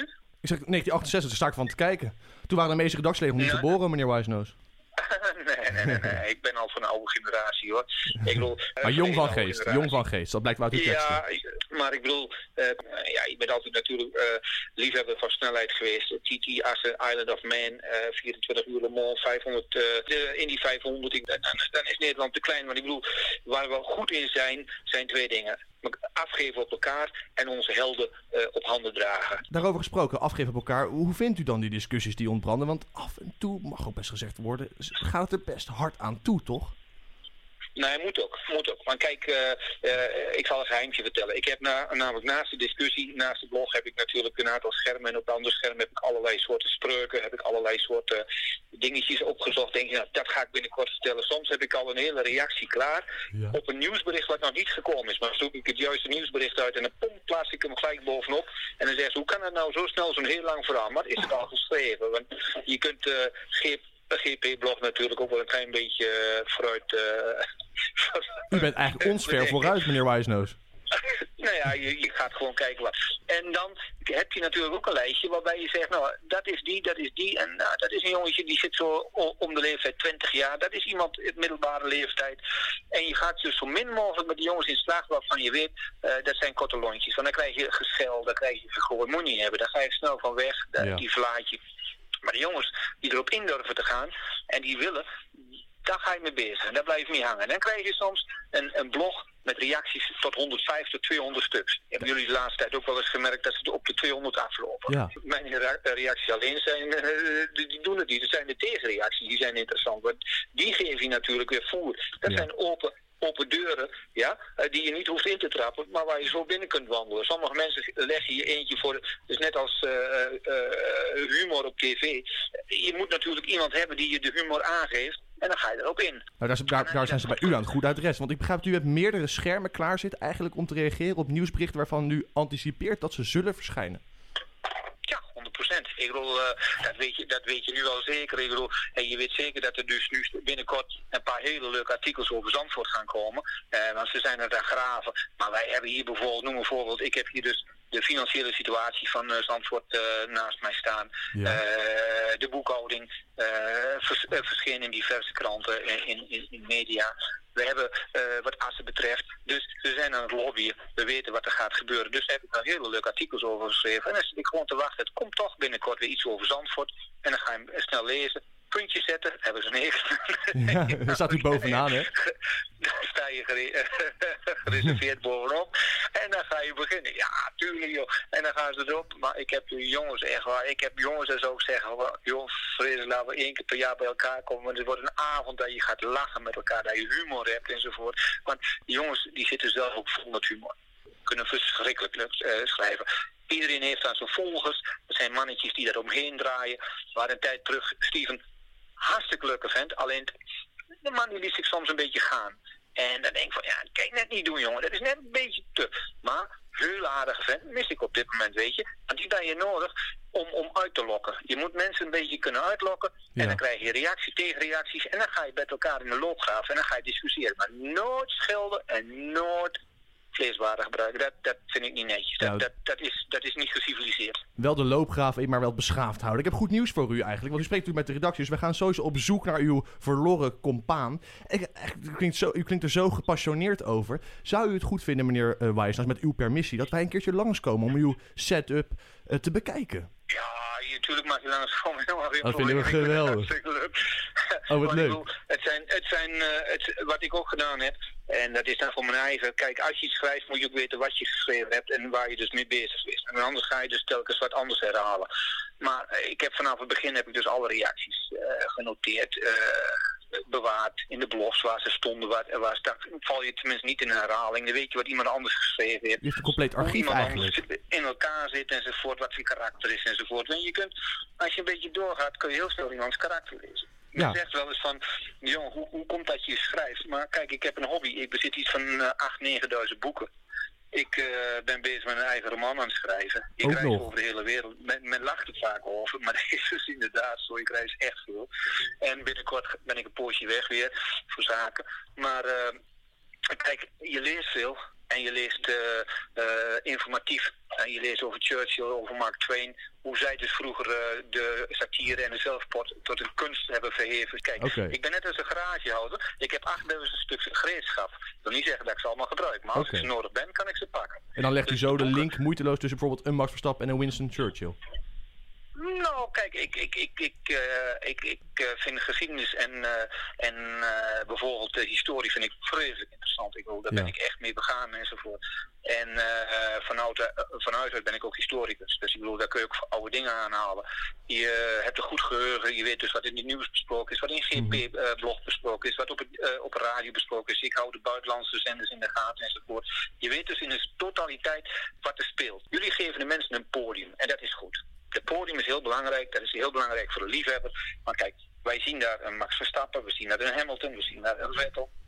Nieuwe generatie, die staan op het podium, die gaan daar spuiten met champagne, we vinden het allemaal prachtig. Maar wij willen daar ook graag bij horen. Als u mij dat zo schetst over berichten die klaarstaan en meerdere schermen hebben en, en het razendsnel erop reageren, het archief aanleggen, dat klinkt ook als een fulltime baan. Nee, dat is gewoon een uit de hand gelopen hobby. Mijn vrouw zegt ook bij niet, joh, je hebt zoveel werk uh, wat er nog je allemaal doen. Maar goed, ik sta heel vroeg op, s morgens, meestal om een uur of zes. Ik ga s'avonds om een uur of half één, één naar bed toe. En uh, dat zeven dagen in de week. Ik ben niet anders gewend, ik vind het leuk. En in de tussenvrije tijd, als ik niks te doen heb of te, zit te wachten op informatie, dan hou ik me met mijn GP-blog bezig. En dat vind ik dat, vind ik dat verschrikkelijk mooi om te reageren. En het mooiste is om moment om te kijken hoe men tegenreacties plaatst. De confrontatie zoeken. En Ja, dat heb- is het mooiste. Ik heb goed nieuws voor u wat betreft de confrontatie zoeken. Niet alleen heeft u met al uw punten natuurlijk de, de prijs gewonnen voor reaguurder van het jaar. Maar bovendien, wij gaan een GP-blog fandag organiseren. Dus dan kunt u de, degene met wie u discussies heeft ook in het echt ontmoeten. Hoe vindt u dat? Oh, dat is natuurlijk grappig. Dat Ja. is wel grappig. Want ik bedoel, ik had met eh, onze vriend Steven een stevige discussie van, eh van Taast. Ik zal Ja. Steven een paar fotootjes meenemen. Ja. ik echt leuk zijn. Ja, dat gaan we zeker doen. Dat gaan we zeker doen. Dat is bij deze beloofd. En eh, zeg maar, tot die, kerst, of tot die dag wordt georganiseerd. Heeft u misschien nog een kerstwens voor alle andere reaguurders, meneer Wijsnoos? Slotwoorden. Ja, ik zou zeggen, jongens, doen wat je doet. Hè? Blijf reageren. eh, mooie artikeltjes schrijven. Niet boos zijn. Ook de one-liners enzovoort. Geeft niks. Blijf erbij enzovoort. Eh, haak niet af. Maak er eh, geen verslaving van enzovoort. Maar let wel, eh GP-blog, eh, kun je roepen waar je wil, is toch een van de meest populaire blogs op Formule 1 gebied. En eh, eigenlijk zijn we zo'n beetje familie met elkaar geworden. Want de wat oudere jongens, die, eh, die kennen elkaar bijna als, ja, als neefjes en eh, nichtjes. En gewoon blijven doen. Mooi, gezellig. En eh, hou het wel netjes, als het een beetje kan. Dank voor uw prachtige en verzoenende, heel in gedachten met kerst, eh, verzoenende woorden, meneer Wijsnoos. We zien u heel erg graag in levende lijven op de GP-blog Vendag. En we komen u opzoeken. Oké, dat is zover. Ja, dag. Dag meneer Wijsnoos, fijne feestdagen. Dag. Dag. Ja, u ook, dag. Jongens, meneer Wisenose. Wat een gouden vent. Ja. Geniaal. hij, is dank, hij is dankbaar voor het podium. Dat, is, dat staat buiten kijf. Nee, maar dat zien we ook eh, regelmatig terug in zijn prachtige schrijfsels... die natuurlijk weer terug te vinden zijn bij onze artikelen eronder. Het klinkt als een fulltime baan wel, joh, wat die man erop nahoudt. Ja, het klinkt bijna alsof hij eh, qua artikelen al bijhoudt. eh. Hij kan zo aanschuiven bij ons. Een moderator maken. Ja, toch? Ja, hij kan zo meedoen. Jongens, even de vraag die ik aan, aan eh, meneer Wijsnow stelde, aan jullie ook gesteld. Wat, wat zagen jullie qua ontwikkeling van Max dit jaar? Nou ja, de, eerste paar races ging het gewoon eh, niet helemaal lekker. En of dat nou kwam omdat hij dacht van... eh, kijk, Red Bull had natuurlijk gezegd in de, in de, in de winterperiode van... Goh, we gaan een, eh, weer een puikenauto maken. En Renault deed weer de belofte aan, we gaan een goede motor maken. En dan valt het gewoon vies tegen. En dan wil je inderdaad misschien overcompenseren. En zelf zegt hij... Ik, in het begin zei hij van, nou, ik, ik ben iets gewijzigd. En eh naar Monaco. En daarna is het, eh, is het beter gegaan. En daar krabbelde hij na een tijdje terug van... Ah, ik heb eigenlijk helemaal niks veranderd. Maar ik denk toch wel dat er... Of dat vanuit het team is gekomen... Of vanuit Jos... Of vanuit zichzelf... Dat hij toch wat voorzichtiger is gaan doen. Kijk, dit is natuurlijk ook... Als je de acties ziet zoals in China... Dat was en te gretig willen... Maar ook wel een klein beetje pech dat je dan net doorschiet... En dat daar dan net ene Sebastian Vettel rijdt. Maar voor hetzelfde geld was het dus net iets anders gelopen. Dus als je en iets rustiger doet... En toevallig heb je iets minder pech. Ik bedoel, had ook Ricciardo kunnen zijn. Dan heb je 12, eh, nee, wat is het, acht uitvalbeurten in plaats van Ja, vier. acht, ja, Het- klopt. Het, heeft ook gewoon een klein beetje met pech en, en geluk te maken, denk ik. Dus ja, vanaf Monaco is het, is het gewoon beter geworden. En misschien is dat zijn eigen verdienst. En misschien is het gewoon een stukje geluk geweest. Ja, maar dat moest ook wel naar Monaco. Dat was wel echt absoluut zijn dieptepunt. Ik weet nog die beelden van een boze Helmut Marco... die hem uit de garage wegstuurde. Dat je denkt, dan, ja. Kom maar eventjes bij ome Helmoet eh op schoot. Het is ook voor het eerst dat ze een beetje druk op zijn gaan uitoefenen, toch? Via de media. Ja, nou zeker. Maar dat, dat was natuurlijk ook... Als je, China, dat was gewoon echt het voorbeeld. In, in die hairpin, dat hij, dat hij hem er langs wil. Terwijl de Sebastian Vettel geeft later ook toe van... Ja, weet je, de volgende ronde had hij hem op het rechte stuk er makkelijk voorbij gekund. En dat deed Daniel Ricciardo bijvoorbeeld ook. Waarom daar? En het is van, ja, maar dat, dat scheelt toch weer een paar, een paar tienden of een paar honderdste. Maar het, het is zo onnodig. Hij is eigenlijk een completer coureur geworden dan Richard, toch? Absoluut. Jongens, het is mooi dat we daarover komen te spreken, want we spraken Tim Coronel daar ook over. En hij zei in dit verband het volgende. Je zei in de laatste aflevering die wij hadden, Verstappen is een volwassener coureur geworden. En dat hij beter samenwerkt met het team. Nog even, nu we het geheel hebben, zeg maar het compleet, ook de laatste race gehad, het geheel overziend. Waarin zag je dat? Waarin zag je dat hij volwassener werd en inderdaad met het team beter of hechter samenwerkte, Tim? Ja, je ziet dat Max echt wel een eh, qua ervaring binnen de Formule 1, de elementen die, die, die ertoe doen, zoals banden sparen, waar hij natuurlijk wel goed in was, maar misschien nog een paar puntjes op die je moest zetten. Ehm, je leert meer met het team samen, met de elementen het maximale eruit halen. Dat zag je natuurlijk die frustratie in Mexico. Hij wist dat, dat, dat er nog meer in zat, maar op, eh, dat kwam er even niet uit. De pol Ja, dan, hè? Het missen van de pol. en ja, de pol Ja. natuurlijk, want Ricciardo pakte natuurlijk de pol, maar dat zette hij heel volwassen recht in de race. Want hij wist natuurlijk wel innerlijk al dat hij eh, de snellere coureur op dat ogenblik eh, was. Ja. Dus dat zette hij mooi neer. Je ziet hem meer nadenken bij vragen. Je ziet hem eh, voordat hij antwoord geeft. Dan zie je ook nog eens een keer bij Max dat hij echt gewoon eh, plezier heeft in wat hij doet. Hè. Af en toe lekker een dolletje. Ehm, en ja, ik vind dat eh, mooi om te zien. Hij heeft, hij heeft denk ik wel ehm, zijn warme nest gevonden. Hè? Ik bedoel, een coureur komt pas echt tot uiting in een warm nest. En ik denk dat hij die heeft gevonden. Dus we gaan nog vele jaren van hem op deze manier genieten. Mag ik iets anders in de groep gooien? Nou, liever niet. Daar wat jij ervan? Nee, eh, Pascal, natuurlijk mag dat. Stoffel van Doornen. Ja, ga je missen? Nou, ik vind het toch jammer. Ik had het wel Die leuk hebben net gevonden gemist, als er een helemaal. Belg, als er een Belg, Belg in Hij is- de zou zitten. Ja, hij is niet eens be- be- be- besproken net. Nee, maar Bij de dat zegt gemiste ook al voldoende. 21-0 verloren, toch was het? Ja, dat klopt. Ja. Maar wel, ja, dat, dat is wel echt, dramatisch ook. niet hoor. echt super fijn, hè? Nee, het, is, het is inderdaad goed. Hij gaat naar de Formule E, geloof ik, hè? Stof van Doornen. Ja, wat vinden we daarvan? Formule E? Hij gaat naar het. Mercedes-team van eh, Formule E, toch? Ja, Dus, en dan eh, wordt reserve coureur. RAW of zo is dat? Ja, maar dat is op zich wel de- Of een, een behoorlijke eh, omslag van... eh wat hij, maar hij was toch ook eh, McLaren junior, of Ja, niet? ja. Ja, dus dat is toch Hij, wel hij een was behoorlijk- eigenlijk de Lando Norris van drie jaar geleden. Dus Ja, eh, nou, ik beter ben- dat Lando Norris ook Ik, gaat ik wou net presteren zeggen, dan weet dit je anders jaar. wat het, eh, wat het gaat... Maar ja, Hij de heeft- Formule E is natuurlijk wel... eh, Het, is, het wordt wel gezien als zijnde... Oh, dat is de, de afdankklasse, zeg maar. Maar eh, ik, ja, ik denk dat het op zich voor hem niet eens zo heel slecht is. Als je, het is natuurlijk, hij heeft pech gehad dat hij op dat moment bij McLaren is gekomen, hè, Stoffel. Maar Aan de Maar dan alsnog, hè, eh, 21-0 tegen je teamgenoot in de kwalificaties is wel wel heel heel, erg, pijnlijk. Toch is Pascal wel gecharmeerd van Van Doorn. Nou, nee, helemaal niet. Maar Je krabbelt terug. nee, nee, nee, ik, ik vind het gewoon eh, jammer, toch? Ja. Dat Ja. een Belg... Die, ja, eh, Ik ben benieuwd of- over. Sorry, David. Ik ben benieuwd of hij het tegendeel kan bewijzen. Want in de Formule 2 won hij gewoon alles.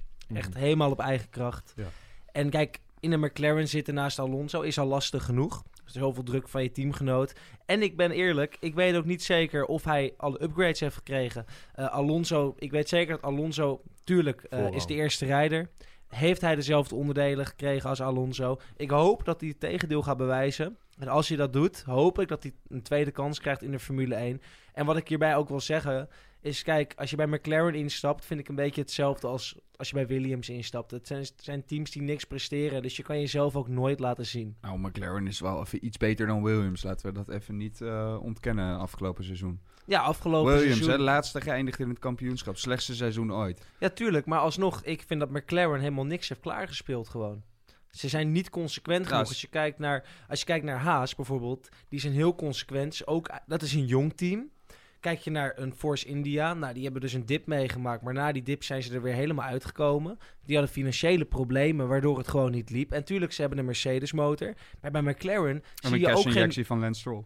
Ja, Of uh, Lawrence Stroll. ja, nee, maar, ja, ja, maar ja, ze komen er wel weer uit. En bij McLaren zie ik dat gewoon niet gebeuren. Zie jij ze eruit komen volgend jaar, Jer? Nou, ze hebben dit jaar wel eh, een hoop eh, afscheid genomen van een hoop bagage. Dus ik ben benieuwd wat dat volgend jaar eh, gaat doen. Ja. Hebben we eigenlijk alles een beetje besproken? Ik krijg een schuin oog naar onze lijstjes, Lijstjes. man. De, de, de audioversie van Wikipedia. Hebben wij nog iets over het hoofd gezien, Spas, wat we bespreken moeten?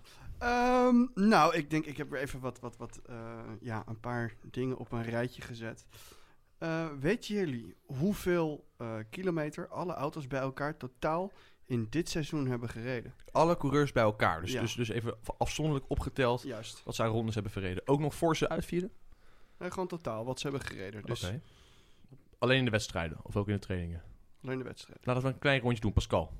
Ehm 80.000 kilometer. Ik denk 12.000 kilometer. 60.000 kilometer. Richard? Eh, pff, 75.000 of zo? Oh, wacht. eh, 12.000 is... 12.000 Oh, is zo, inderdaad heel wel... weinig. eh, Ja, Tjer, dat maakt niet uit. Je kan er ook heel dichtbij zitten, hè? Nee, ik zit even te rekenen. Ik denk dat klopt helemaal niet. Nee. Ik, eh, wacht even. Ik doe een, ehm ja, 89.500. Ik zeg 120. Niet 12. Nee, die zitten allemaal wel een beetje in de buurt. Maar het is ruim twee keer rond de aarde. 100, meer dan 112.000 kilometer. Zo. Dat zat ik heel dicht in de buurt nog met mijn laatste... eh, Ja, verbetering. 12.000 Dat is niet zat heel dicht in de buurt. Ja, nee, ik zei 120 uiteindelijk. Je zit er 8000 kilometer naast. Nou, als jij naar je vrouw gaat, oh, je bent 8000 kilometer verderop, is het heel dichtbij. Ja, zo, zo rekenen we ook, toch? Eh, en over rondjes gesproken. Hoeveel ronden denken jullie dat er totaal zijn gereden door alle coureurs? Door Eh. Daniel Ricciardo wat minder, heb ik eh, gehoord. ja, ja, Ricciardo kan er niet van meepraten. Ik denk eh 22.000 kilometer. 22.000 Ja, maar wat over ro- rondjes. Over Oh. ronden. Pascal En zijn- uitlachen net, hè? Pascal en super scherp. Pascal en super scherp. Daaf, Richard, wat denken jullie? Hoeveel rondjes? Ja, Dat is 22 keer, keer gemiddeld 50. 22. Hoezo 22? We hebben 20 coureurs. Oh ja. ja. Jezus, Wat een kut onderwerp Ja, nee, heb, je hou geen, heb je geen leuke lijstjes of zo? Wat is dit een kutpodcast, zeg? nou, dat is weer duidelijk. Nee, Oh, dat waren er meer dan 22.000 ronden door alle coureurs. Zo, hebben we dat weer gehad. Ja. Kunnen we niet eigenlijk de conclusie trekken dat we hebben gekeken naar ontzettend mooi eh, Formule 1 seizoen? Zeker als je het gaat vergelijken met het jaar daarvoor. We hebben eigenlijk dit jaar veel meer actie gehad. Veel meer inhaalacties. Veel meer spanning. WK Strijd tussen Mercedes en Ferrari, wat we En al lang niet hebben gezien. Een prachtige strijd in het middenveld. Absoluut. Middenveld was spectaculair dit jaar. Gaat het de goede kant op dan, jongens, met de Formule 1? Nou, het gat tussen het middenveld en de topteams is natuurlijk nog groot. Ik ben benieuwd hoe dicht dat kan worden. Maar als we volgend jaar al een titelstrijd hebben tussen drie teams, dat zou wel fenomenaal zijn. Als het middenveld nog zo dicht bij elkaar zit, ja, dan wordt het alleen maar, alleen maar mooier. Jongens, we gaan het vizier op volgend jaar zetten. Ja, David, jij noemt het al inderdaad. Als, het, als de kloof kleiner wordt tussen topteams en, de, en, de, en het middenveld, verwachten we dat. Dus er komen natuurlijk een paar nieuwe reglementen met aerodynamica en ook de banden worden iets veranderd. Er komt een nieuwe versie van de Supersoft, meen ik. Richard, kijk een schuin oog naar jou. Jij, jij weet dus dingen De van bandenspecialist. Ja, de bandenspecialist. De Ik ben de bandenfluisteraar. bandenfluisteraar. van- even, even. Nou ja, de, de, de banden worden natuurlijk allemaal nu de, de dunne variant wordt het volgens mij. Of is dat pas vanaf 2021? Weet niet, ik- ik- heb je wel- Pirelli heeft in- wel wat lopen knoeien, weet Precies, ik. in Abu Dhabi eh, toch zo'n nieuwe supersoft getest. was een ultra soft. Nou, de, de Supersoft wordt juist in, in bepaalde races niet meer meegenomen. Ze willen juist hardere banden Ja, eh, mee laten nemen. Wat voor Ehm, invloed zou dat moeten hebben volgens jou? Nou, Pirelli heeft gezegd, omdat het natuurlijk vanuit de Formule 1 een hele hoop gezeur komt van al de banden, blarenvorming en iedereen doet nog maar één stop. En Pirelli heeft eindelijk voor de verandering eens een keer gezegd, eh, als er al nog maar één stop zijn, dan moeten de Formule 1 teams en de Formule 1 aan zich het daar maar mee doen. Weet je, wij gaan niet moeite doen om er twee stoppers van te maken, want de coureurs willen één ding, de teams willen één ding, de fans willen weer een ander ding. Het, het, het schiet gewoon niet op. Dus ik ben blij dat Pirelli op wat dat er gaat een, een statement heeft gemaakt van, eh, nou, we gaan het op deze manier doen. Alleen je ziet wel, de, de banden worden steeds zachter en ook steeds beter, omdat ze aan allebei die, die vereisten willen vol- voldoen. Dus ze worden en sneller en ze gaan langer mee. En ja, daardoor krijg je wel iets saaiere races, heb ik het idee. Want hoe vaak hebben we afgelopen seizoen al gehad dat de topteams verplicht een tweestopper deden? En als je, maar, als je maar één pitstop hebt, kun je veel minder verschil maken met een goede pitstop zoals Red Bull die maakt. Of een waardeloze pitstop zoals Renault die elke Maar keer jij had maakte. volgens mij wel een klapband dit jaar, toch? Wie? Bottas? Ja, in zeker, Baku ja, had ik die inderdaad. Ja, dat eh, zwaar kloten. Lag je aan de leiding. Saaie race, zegt Richard. Jan Lammers die liet zijn licht ook even schijnen over het raceverloop van volgend jaar wat hij verwacht. Laten we even luisteren. Verwacht je dat dat volgend jaar beter gaat worden? Pirelli gaat natuurlijk nieuwe codes introduceren en één soort van verkapte supersoft, geloof ik dat het is, Jan. Wat, Ja, nou ja, eh, niet alleen door eh, de, de banden, maar uiteraard ook door de verandering in de aerodynamica. Ehm, eh, het, het mooie is dat als mensen eh, dichter achter elkaar kunnen rijden, dan, dan krijg je nog een bij, bijkomend voordeel, is dat waar eh, voorheen mensen met moeite in die RS-marge kwamen te zitten. Ja. Ehm, en die, die kunnen daar nu eh, wat, eh, hè, de kans dat ze daar inrijden is groter geworden. Ehm, en eh, dat, dat is één. En dan wordt het verschil met DRS wordt ook nog een keer groter. Dus, dus, eh, dus van, eh, om twee redenen denk ik dat er eh, wel veel meer ingehaald zal gaan worden volgend jaar. nou, dat is een beter seizoen dus volgend jaar eigenlijk, Jan. Ja, lijkt me wel. En, en, en natuurlijk enorm veel verrassingen met de nieuwe rijders. de, de, de nieuwe combinatie natuurlijk Honda-Red Bull. Daar Ja. is veel over te doen en daar kijkt men toch met, met veel belangstelling naar uit. Dus nee, het wordt denk ik een heel, eh, heel eh, leuk seizoen. David, ja, Jan Lammers zegt het wordt misschien wel iets spannender. Richard zegt nou, ik weet het nog niet zo zeker. Wat, wat verwacht jij? Ik verwacht dat het zeker spannender wordt met de nieuwe aerody- aerodynamica-regels. Zouden ze dichter op elkaar moeten kunnen rijden? Of het in praktijk ook echt zo is, dat moeten we natuurlijk gewoon nog zien. Kijk, er wordt heel veel gezegd in deze sport. En of het allemaal uitkomt, ja, dat is een tweede. Maar ik verwacht, zoals ze het nu zeggen, dat het zeker spannender gaat worden. Cher? Ik vind, ik vind het ook lastig om te voorspellen. Ik ben heel benieuwd wat die nieuwe voorvleugels en die nieuwe aerodynamica-reglementen gaan doen. Ehm, ik denk wel dat eh, het ervoor zal zorgen dat de auto's elkaar beter konden volgen. Al vond ik het dit jaar al meevallen ten opzichte van 2017. Dat was echt dramatisch gewoon qua hoe, eh, hoe die wagens elkaar konden volgen. En met name het aantal inhaalacties wat daaruit volgde. En ik hoop, laat ik het zo zeggen, ik hoop vooral heel erg dat die nieuwe aerodynamica-regels echt voor veranderingen gaan zorgen. En ook eigenlijk dat er weer een paar loopholes worden gevonden waar een aantal teams weer gewoon van kunnen profiteren. Het wel eigenlijk mooi, uiteindelijk willen we gewoon dat alles een stuk dichter bij elkaar zit. Dat het middenveld straks ook gewoon met de top 3 meedoet. Richard? Nou ja, dat was een aparte eh, uitspraak van Toto Wolff. Want die had min of meer gezegd van... ah, en, en, en Helmoet Marco ook. Dat ze nu alweer loopholes inderdaad hadden gevonden. En dat ze met precies dezelfde eh, hoeveelheid downforce aan de start zouden verschijnen in Australië als afgelopen seizoen. Terwijl juist die, eh, de nieuwe voorvleugel zou moeten zorgen voor een, een derde minder Ja, downforce. zouden ze, een, paar, een paar seconden, drie, twee, drie seconden Ja, zouden ze klopt. langzamer Is dat zijn. gewoon psychologische oorlogsvoering, jongens? Nou ja, Dat maar, denk ik ook. Maar stel dat het wel zo is, dan heb je natuurlijk het idee... Natuurlijk, die teams die gaan nu proberen die, down, die verloren downforce op een andere manier te vinden. En dan krijg je dus precies hetzelfde resultaat. Dat je loopholes gaat proberen te vinden voor een regel die er is... om voor meer actie te zorgen. Ja, maar ik zou dat gewoon lekker stilhouden en dan Precies, op de waarom grid staan en dan ineens... Hé hey jongens, we zijn drie seconden sneller dan de rest, hoe kan dat? Waarom zouden ze dat zeggen, Ja. voorbaat? Want je, Ja, ja, gewoon laat doorschemeren. Dat Het is zijn, een beetje de mind games die Hamilton ook altijd doet. Pascal. Technisch heb ik daar eh, vrij weinig aan toe te voegen. Mijn verwachting is ehm, vooral dat de Wise Notes waarschijnlijk voor elk bericht als eh, reactie klaar heeft. Wat je echt geniaal vindt trouwens. Wat een man, wat verder eh, kijk ik als fan heel erg uit naar die die, die uitzendtechniek die steeds verbetert. En, en ik heb bij de Indie was dat volgens mij beelden gezien met de helmet cam. Volgens mij heeft Ziggo een deal gemaakt met eh, Liberty dat zij ook dus die de, dat je zelf eigenlijk je eigen regisseur kan spelen. Ja, ja. Dat vind ik vooral eigenlijk heel erg dope. En Ja, verder technisch geloof ik jullie, eh, maar ik vind het vooral heel cool dat dat dus ook qua uitzending en het hele Liberty en het- toch het vercommercialiseren daarvan en het meer beleving geven, dat, dat is, daar kijk ik het meest naar uit. Je hebt het eigenlijk over de online mogelijkheden. Hè? Dus dat je inderdaad verschillende st- camera-standpunten wilt kijken. Je kan ook bijvoorbeeld de hele race van Max Verstappen kun je live kijken. Ja. Bijvoorbeeld, Ja. als je dat wil. Maar ook qua en dan denk ik dat Wise Nose 18 schermen heeft en elke coureur Ja. afzonderlijk Ja, eh, ja, bekijkt. Ecclestone een amateur vergeleken bij Wijs. Ja, ja.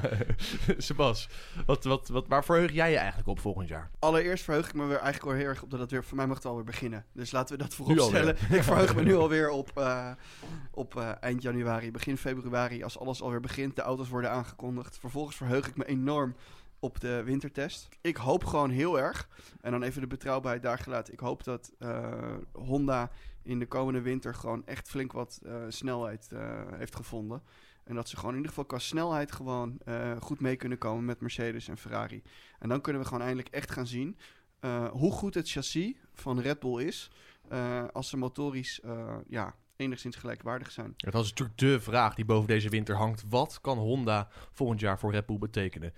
Jongens, even een, een snelle ronde. Wat, wat, wat voor, bedoel, het is natuurlijk vroeg om het nu te zeggen, want we weten niks echt. Behalve dan Marco en, en consorten die, eh, die eigenlijk een hoop tromgeroffel aankondigen dat ze volgend jaar van meet af aan eigenlijk de titel al min of meer hebben. Maar wat, wat verwachten wij daarvan, David? Het is natuurlijk moeilijk voorspellen, maar Japanners, winnaarsmentaliteit, geven never nimmer op. En samen met Red Bull heb ik er wel vertrouwen in dat het echt een gouden combinatie kan gaan worden. Ben jij gesponsord door Honda of niet? Cher, wat verwacht jij er eigenlijk van, van Honda? Ik verwacht dat ze vanaf begin ehm, niet, nog niet super snel zullen zijn. Maar ik denk wel dat ze zich razendsnel gaan ontwikkelen. Voornamelijk omdat eigenlijk eh Toro Rosso volgend jaar alweer ten dode opgeschreven is. Omdat ze weer gebruikt worden als proefkonijn. En dat zou uiteindelijk maar ten gunste zijn van Red Bull. En ik ben heel benieuwd eh, inderdaad ehm, hoe, Hon- hoe snel Honda die ontwikkelingsslag gaat maken. Om echt eh, zich aan te- aansluiting te vinden bij Maar Mercedes. en verwacht jij van meet af aan al dat ze goed zullen zijn? Nee, nee, nee, niet vanaf de eerste race. Ik verwacht dat dat gedurende het jaar... Geleidelijk. Eigenlijk net zoals met Renault dus. Ja, ik denk echt dat ze- de echte Honda-motor, en dan die even de vergelijking trekken met McLaren, zoals ze dat de afgelopen jaar heel Mhm. vaak zeiden, dat die eigenlijk pas wel in 2020 komt. Slotwoord, Richard? Dat was interessant, want er was een artikel met, eh met Cyril Abiteboul verschenen... waarin hij het had over eh, nou, dat, dat Red Bull zo erg liep te pochen... met ja, die Honda is zo geweldig. En, eh, maar de laatste keer dat wij keken, lagen wij nog steeds voor op Toro Rosso. Mm, Daar heeft hij op zich een punt. Maar volgens zei hij ook, ja, ons chassis is goed genoeg... dat als wij een motor van Ferrari of Mercedes erin hadden... dat wij ook bij de top zouden kunnen zitten. En als je kijkt naar de prestaties van Red Bull ten opzichte van Renault is Red Bull vele malen beter door dat chassis. Dus als je inderdaad nagaat dat Red Bull op een gegeven moment een goede motor erin zou kunnen hebben, misschien wel niet een Ferrari of een Mercedes, maar dan zou het ze echt met, met sprongen ervoor kunnen staan. En ik weet niet of Red Bull het heeft gedaan, maar als je toch een, een B-team hebt waar een Honda achterin ligt en zelf rijden met een Renault, pak zo'n motor, zaag hem doormidden en kijk wat de ene he- wel heeft en de ander niet. Dan kun je toch eh, een stuk beter, eh, beter worden. Door zeggen. midden zagen van de motor. Dat is een rigoureuze maatregel wel. Dat weet je wel, je eh. Ja. Ja, het, is, het is wel... Verstappen heeft al iets over gezegd. Die zei namelijk, als het tegenvalt met Honda... ligt er ook een plan B klaar. Wat zou dat mogelijkerwijs kunnen behelzen, David? Er is mij, voor mij maar één optie. En dat is Bottas. Die blijft nog een jaartje bij Mercedes zitten.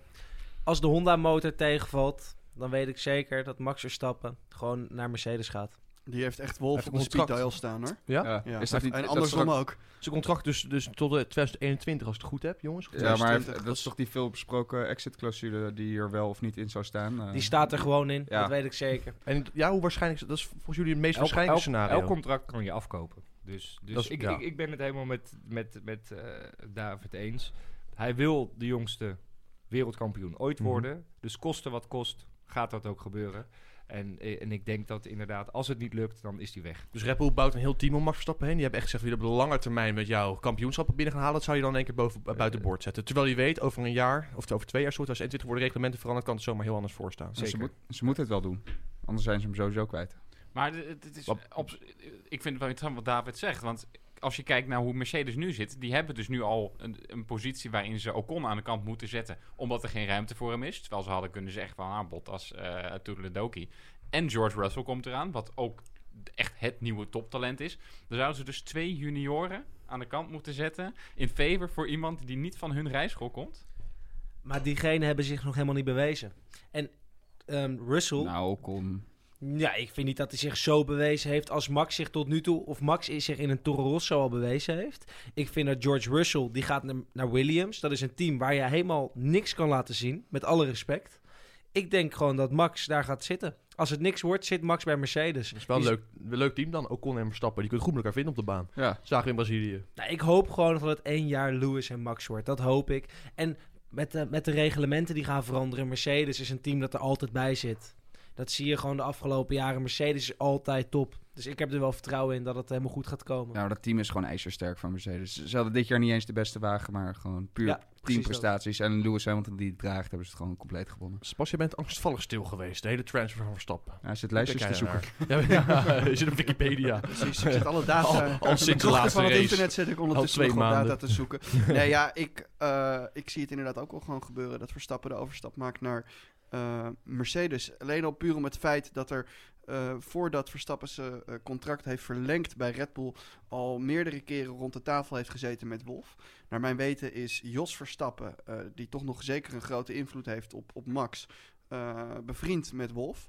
Dus ja, voor mij is het een hele duidelijke optelsom. En vertrekt Verstappen uiteindelijk gewoon naar Mercedes als Red Bull het niet waar kan maken. Stel dat Red Bull het niet waarmaakt, hoe dan ook, dan is er nog eerst eens een jaar dat eerst met Red Bull verreden moet worden en met Honda.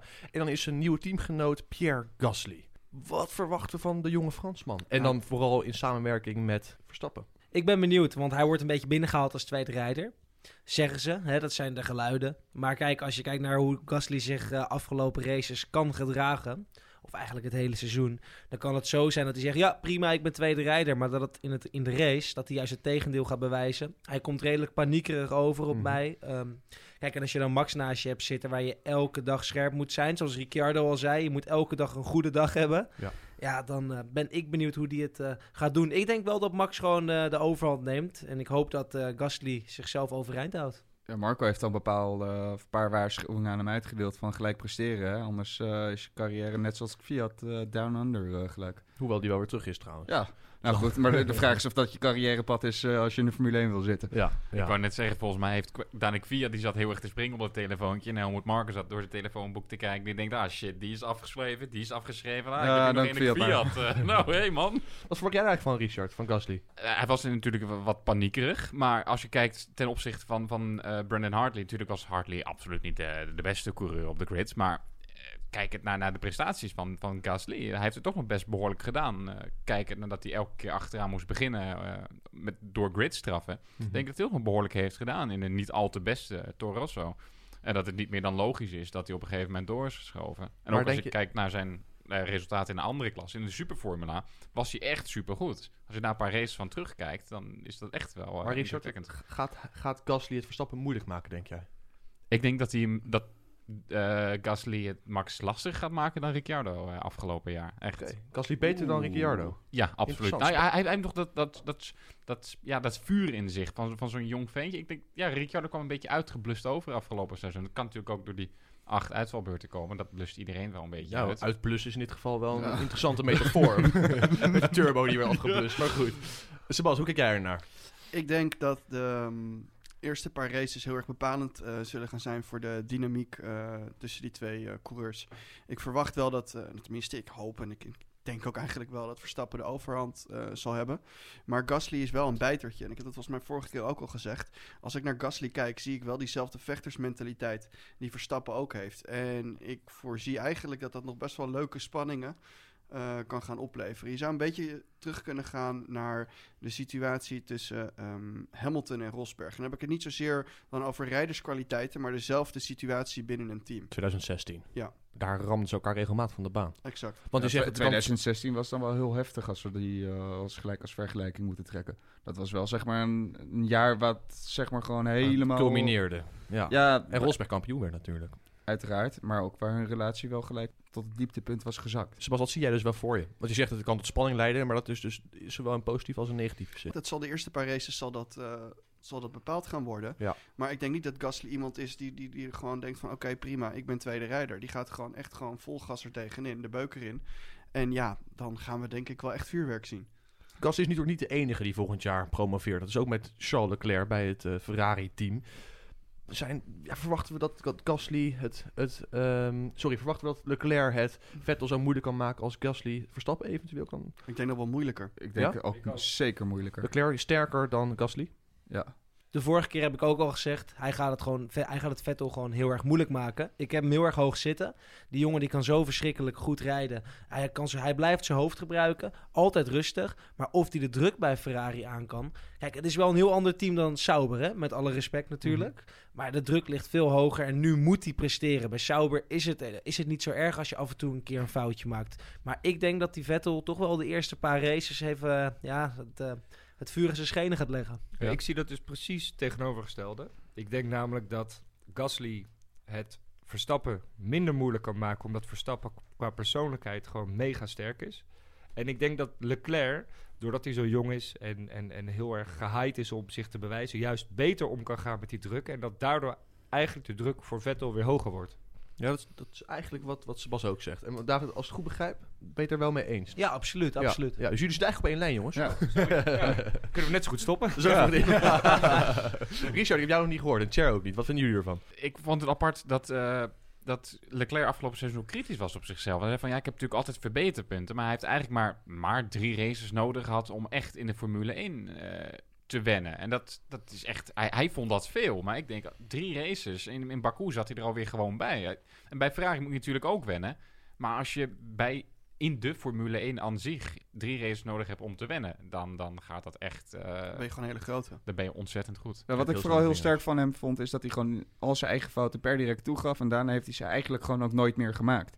Hij heeft er gewoon per direct van geleerd. En gelijk, oké jongens, door. En echt gewoon een stijgende lijn. Die wellicht vergelijkbaar is met wat Verstappen in zijn eerste jaar bij Toro Rosso ook liet zien. Eh, alleen hij laat het in een wagen zien die eh, eigenlijk in eerste instantie, zeker in het begin dit seizoen, nog veel slechter was. Zou, zou Leclerc dan misschien nog een grotere concurrent kunnen zijn dan Gasly, eigenlijk? Dus een ander team, maar qua voor de titel strijden, voor het podia strijden. Jazeker. Ik denk dat eh, Leclerc Gasly daar wel eh, zal pakken. Leclerc Nee, kan nog de jongste wereldkampioen ooit worden volgens mij. En ik denk dat die kans ook best wel groot is. Verstappen moet vooral naar Leclerc kijken, niet zozeer naar Gasly. Dat is de conclusie als de. Ferrari erbij zit hè, volgend jaar, dat is Ja. natuurlijk weer de vraag. Maar dan, dan een andere.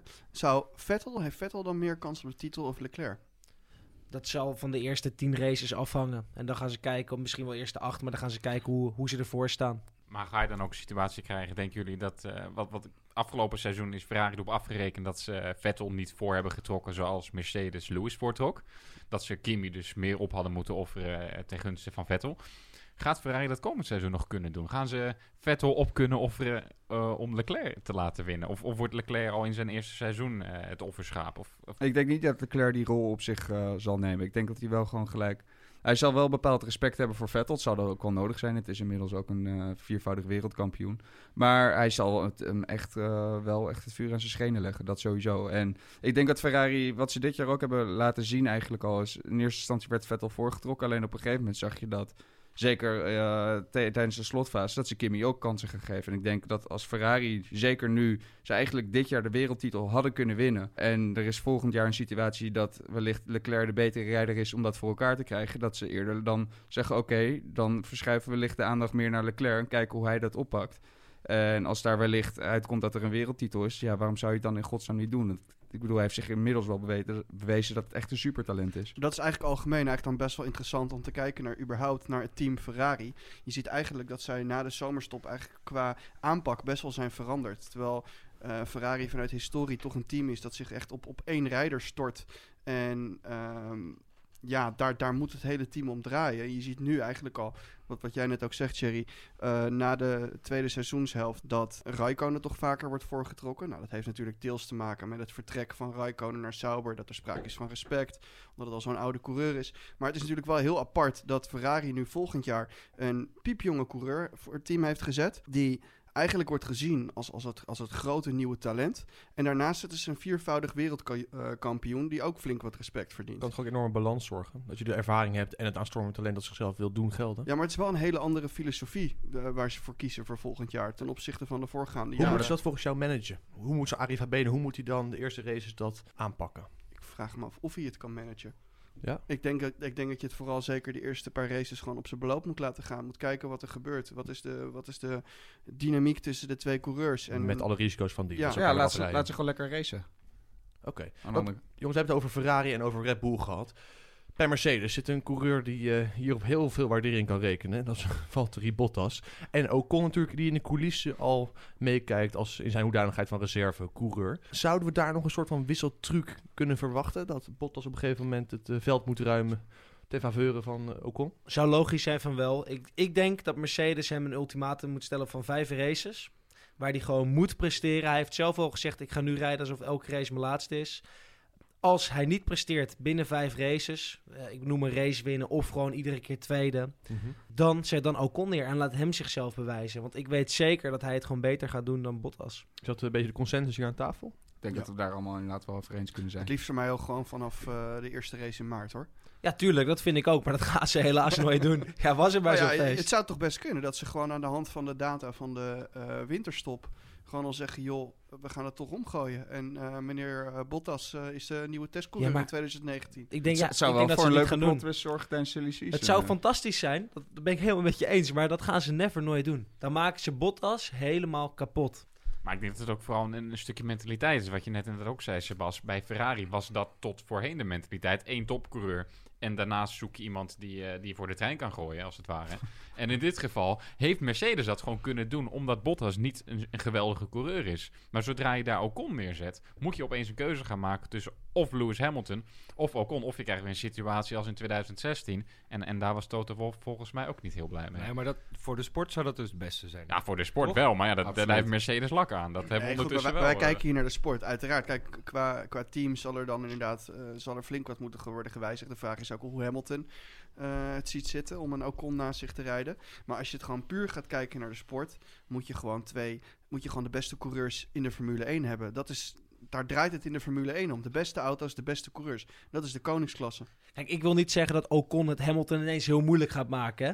Het kan ook zijn dat Ocon nog steeds niet bij Hamilton in de buurt komt, aangezien Hamilton gewoon een fantastische coureur is. Maar beter doen dan Bottas, in ieder geval een race winnen over een heel seizoen, wat Bottas niet lukt in een van de beste auto's. Ja, dat moet, dat moet Ja, dat was Ocon wel lukken. wel. Ja, dat kan toch niet? Dat, Kom kon, dat kon echt niet. jongens, jongens, jongens slot, slotvraag. We hebben het eh, over de teams gehad. En dan Verstappen. Ik bedoel, we hebben het over gehad met Honda en, en Red Bull. De samenwerking. Als jullie het gewoon moeten zeggen. Gaat hij voor de titel vechten of niet? Waar zetten jullie je geld op in?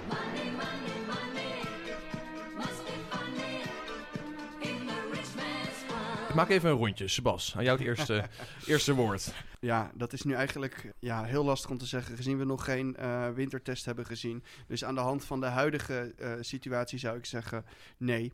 Eh, dat is gewoon wel weer eh, Ferrari of Mercedes. Want ze hebben meer tijd nodig om eh, zich te ontwikkelen. Maar als je puur gaat kijken naar het kampioenschap, en ik hou het voor de rest kort, dan zie je nu al Verstappen, eh, die is nu vierde. Mhm. Eh, Dick een derde, of misschien wel een tweede positie moet er best wel in kunnen zitten. Pascal? Derde plaats. Derde plaats. Wie, wordt, wie, wordt, wie gaan er winnen eigenlijk dan? Wie staat er voor hem? 1 en 2? Lewis? Gaat weer zesde, zesde wereldtitel? Ja, dat hoop ik ook echt oprecht. Dat Want? me- ja, gewoon vind ik mooi. Oké. Jij wil dat die Schumacher voorbij gaat? Ja. Oké. Ja, En eh, Vettel tweede, toch? Vettel tweede, weer. Chair. Ja.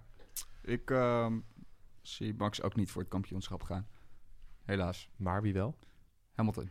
Nu. Ook. Je sluit je aan bij Pascal. En twee Ja. is dan? Twee is dan wel Verstappen? Of Leclerc. Niet? Twee Leclerc. En Ja. Verstappen eindigt ergens achteraan. Eh, plekje erg- 18 of zo. ergens P18, ja. nee, ik denk eh, P, P3. P3. P4. Ik denk dat dat op zich ook al... Dat hij er met een hele nieuwe... Met de Honda motor en een heel nieuw chassis... Wat er eigenlijk omheen gebouwd moet worden... Dat het op Mhm. zich ook best een nette prestatie zou zijn. Ja, dus wel naar het sportgala volgend jaar. Dat toch nog net wel. Nou ja, in die zin hoop ik voor niet van. maar, David. Max is klaar om voor de titel te vechten. Alleen de, de combinatie Honda-Red Bull is er nog niet klaar voor. Dus ik verwacht voor Max een P3. P3. En ik hoop, het, ik hoop dat het tegendeel bewezen wordt. En wie wordt wereldkampioen? Lewis. Lewis weer. Of, nou, nee, ik ga voor verrassing. Ik ga voor Leclerc. Leclerc. Ferrari. De Ik, ik, hoop, ik hoop niet dat hij de jongste wereldkampioen wordt. Hè. Ik als Nederlander vind natuurlijk dat Max dat moet worden. Maar als de Ferrari goed is, dan geef ik Leclerc een grote kans. Even zaakjes als Leclerc hem volgend jaar wint en Max hem over twee jaar winnen, het seizoen erna.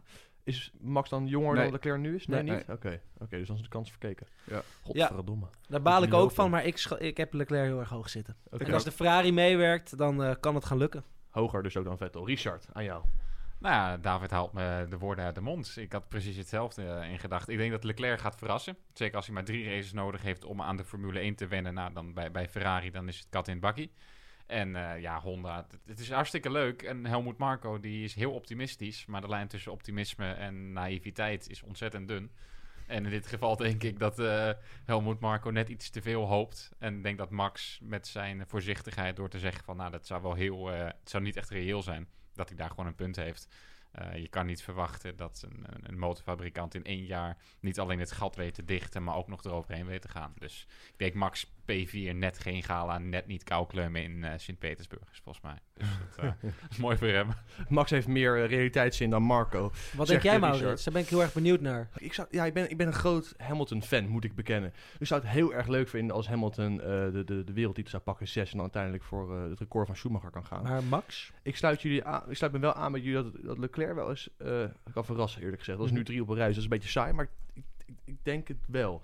En Max, ja, ik zou, het, ik zou, laat ik het zo zeggen, ik, zou, ik hoop het wel. Ik zou, heel, ik zou ook staan juichen, als een Ja. debiel. Juichen. ja, Juichen langs de lijn. Dan sta ik te juichen langs de lijn. à la Louis van Gaal. Ehm, ik, ik, ik heb er een beetje een zwaar gevoel. Aan de andere kant, als je de, de, de teksten van Marco en Horner hoort, dan... Die, zijn natuurlijk, die gaan niet zomaar dat allemaal Dit zo jaar- op de borst... eh, Ja, maar dit jaar zouden ze ook voor de titel gaan vechten, zei eh, Helmut Marco volgens mij vorig jaar. Ja, dat Dus, klopt. Maar eh, dat is ook niks van waar gebleken. nee, daarom, daarom zijn we het ook eens. Alleen je zou ook in denken, nou daar hebben ze wel van geleerd. Dus als we het nu al met zoveel tromgeroffel aankondigen, dan behelst dat meer dan alleen maar een, eh, een, een ijdele verwachting. Maar goed, nogmaals, ik ben het eigenlijk met je eens. Dus ik, denk, ik, denk, ik hoop Hamilton. Ik denk dat Leclerc nou kan verrassen. En Verstappen. Ik denk wel dat Verstappen beter is dan Gasly. Dat dat misschien best wel even een robbertje vechten wordt af en toe op het circuit. Maar nee, laten we eventjes niet naar wat, wat ik ervan Maar vind. mag ik nog heel inbreken om Ja? het misschien toch nog, dan nog even positief af te sluiten? Kijk, eh, we zijn hier alle eh, dan wel enigszins sceptisch over de titelkansen van Verstappen. We hebben natuurlijk net wel een flinke tijd gesproken over de auto van afgelopen jaar. En dan is eigenlijk de conclusie die we dan wel kunnen trekken met z'n allen... is dat Red Bull wel veruit het beste chassis heeft ontwikkeld. Ehm, dan zou je ook kunnen zeggen, met alleen al een lichte stijging qua performance... mits eh, ja, de, de, de, de groei bij Mercedes en Ferrari enigszins constant Dat blijft. was een heel grote groeit. mits natuurlijk. Ja, maar zou het natuurlijk ook al heel anders kunnen uitpakken. Want wat had er, was er afgelopen seizoen gebeurd als, als Red Bull bij wijze van spreken eh, met de Renault motor 20, 25 pk extra had gehad? Wat hadden ze daarmee kunnen doen? Hadden ze dat verschil alsnog kunnen compenseren met het chassis? Maar ook het chassis. Kijk maar naar Hongarije in de regen. Opeens de RB14 tot op heden in de regen. Iedereen regendansje, want Red Bull in de regen. Nu was ze eens kwijt. En nu was het opeens de magie weg. Ja. En dat heeft het hele seizoen geduurd. Want het was iets kleins wat niet makkelijk opgelost kon worden. Dus het zit in een klein hoekje. Of je hebt een goed chassis. Of, of iets minder. Een Daarom ben ik ook heel benieuwd wat die nieuwe aero-reglementen Maar nu sluiten we toch eigenlijk weer wat negatiever af. Nou, nee, wel ho, ho, ho, ho. Dat is niet helemaal waar. Ho, want dit is wat ho, wij... ho, Ho, ho. ho, ho. Geheel met een kerstgedachte. Laten we, dit is wat wij ervan vinden. Laten we heel even luisteren. Spraak door Tim Coronel en Jan Lammers. Laten we even horen wat zij verwachten van respectievelijk Red Bull, Ferrari en Mercedes. Wat verwacht je van de combinatie Pierre Gasly en Max Verstappen? Ehm, nou, ik, ik, ik ben erg benieuwd, want eh, eh, natuurlijk was eh, Ricciardo er altijd een die flink de druk erop hield. Ja. Hè, om nog, eh, nog maar even een keertje terug te komen op Mexico. Ja. Eh, daar zie je dus heel duidelijk dat als Max net even niet die 100% eh eh, hoe noem je dat, kwalificatieronde krijgt, dan is Ricciardo er. Het scheelde heel weinig, maar het kwam natuurlijk gewoon omdat dat Max net even niet dat, eh, eh, dat perfecte rondje had. En, eh, eh, en, en ik, ik denk dat als hij met eh Gasly zou rijden, dan denk ik dat hij misschien de pol nog wel gehad had. Ja, ja, ja oké. Dat, is- dat is het verschil volgend jaar. Dat hij eigenlijk misschien minder gepusht wordt, maar dan net iets vaker het voordeel naar zich toe trekt, Jan. Ja, precies. Op de Ja, millimeter. In dat verband, hoe, hoe kijk je naar de, de, de kracht, CQ, de invloed van Charles Leclerc bij eh, Ferrari en Vettel? Ehm, nou, daar, daar is hij natuurlijk eh, wel de verfrissende drijfkracht. Eh, dat, dat gaat moeilijk worden voor eh, Vettel, maar dat gaat hem ook motiveren. Eh, hè, dus, dus, dus Vettel die kan natuurlijk zeer terecht gewoon eh, de opstelling hebben van ja, maar wacht even. Ik laat me niet als een lam naar de slagtafel brengen. Eh, ik, ik, dus ik kan me voorstellen dat, eh, dat Vettel nog wel even aan zal zetten. Eh, en dat hij eh, zeker in de winter even maximaal zich daarop voor kan eh, gaan bereiden. Want, want eh, zeker ook na die laatste test in Abu Dhabi eh, lijkt het er in alle opzichten op dat Vettel flink in de bak kan.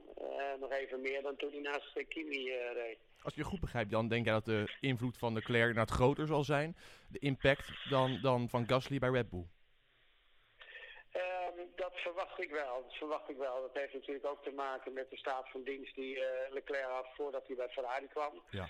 Maar eh, daar weten ze een aantal dingen natuurlijk al. Hè. Ze hebben natuurlijk al het nodige testwerk hier en daar gedaan met verouderde auto's. Dus eh, ze zien al zijn rijstijl. Ze hebben de grafieken al van hoe hij in de simulator aan de gang is en noem maar op.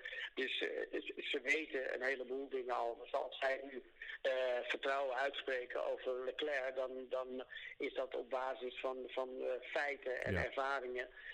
en niet zo, zozeer wishful thinking. Ja, dus houdt de gemoederen nogal bezig, Gasly en Verstappen. We spraken Tim daar ook over. En hij zei over Gasly en Verstappen dit. Volgend jaar natuurlijk inderdaad een ander eh, teamgenoot naast hem, Pierre Gasly. Wat verwacht je van die combinatie Verstappen-Gasly, Tim? Ja, nou ja, Gasly is natuurlijk eh kent zijn verleden. eh, ik weet wat hij heeft gedaan.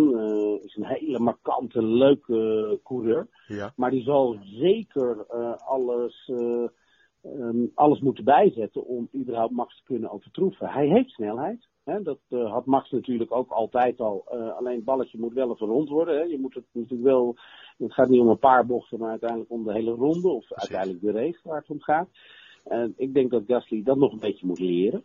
Maar ik denk dat hij ook wel af en toe door die piekjes eh, Max op scherp zal zetten. En nou, dat is wat het team natuurlijk wil. Kijk, Red Bull wil gewoon twee belachelijk snelle coureurs naast zich hebben. Zodat ze zich kunnen levelen en dat ze zichzelf kunnen drijven naar hogere sferen.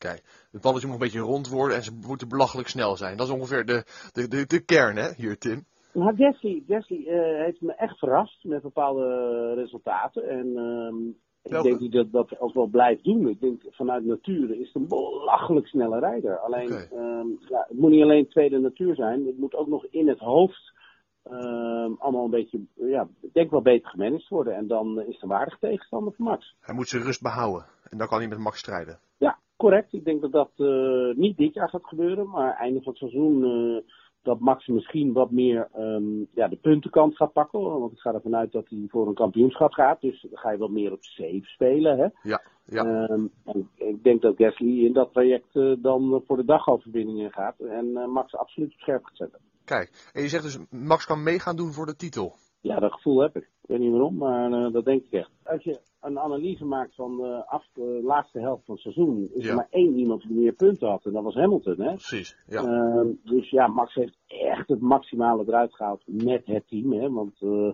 Ricciardo had natuurlijk hetzelfde speel, maar heeft het er niet uitgehaald. Die had natuurlijk wat pech.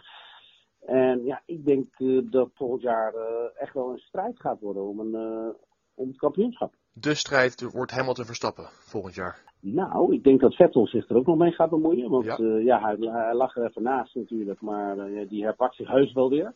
Ja. Dus eh, ja, en ik zou het wel leuk vinden als Ricciardo met eh, Renault er ook nog even bij komt kijken. Eén man noem je niet in dit verband, Tim. Dat is Leclerc. Wat verwacht je van hem? Oh, sorry. Nee, nee, nee, nee, Leclerc. Wat Ja. dom van me, wat dom van me. Nou, dat valt te overzien eh, hoor. Dat valt te overzien. Ja, oké, oké. Nee, Leclerc, ja, nee, die gaat pieken. Die gaat er ook nog mee bemoeien. Ja? Dus eh, ja, zeker, zeker, zeker. Kijk, eh, die heeft ons natuurlijk aan alle kanten verbaasd, Ja. de wereld. En die heeft echt mooie dingen laten zien met een echt een kiphok van een auto eigenlijk, met een goede motor erin. dus eh, ja, sauber, kom op hé. Ja. Eh, en nu heeft hij die mogelijkheden. Ik denk ook dat hij als mens gegroeid is binnen de Formule 1. En zeker gaat zorgen dat hij zich er ook mee gaat bemoeien. Sterker nog, ik denk dat Hamilton verbaasd gaat staan.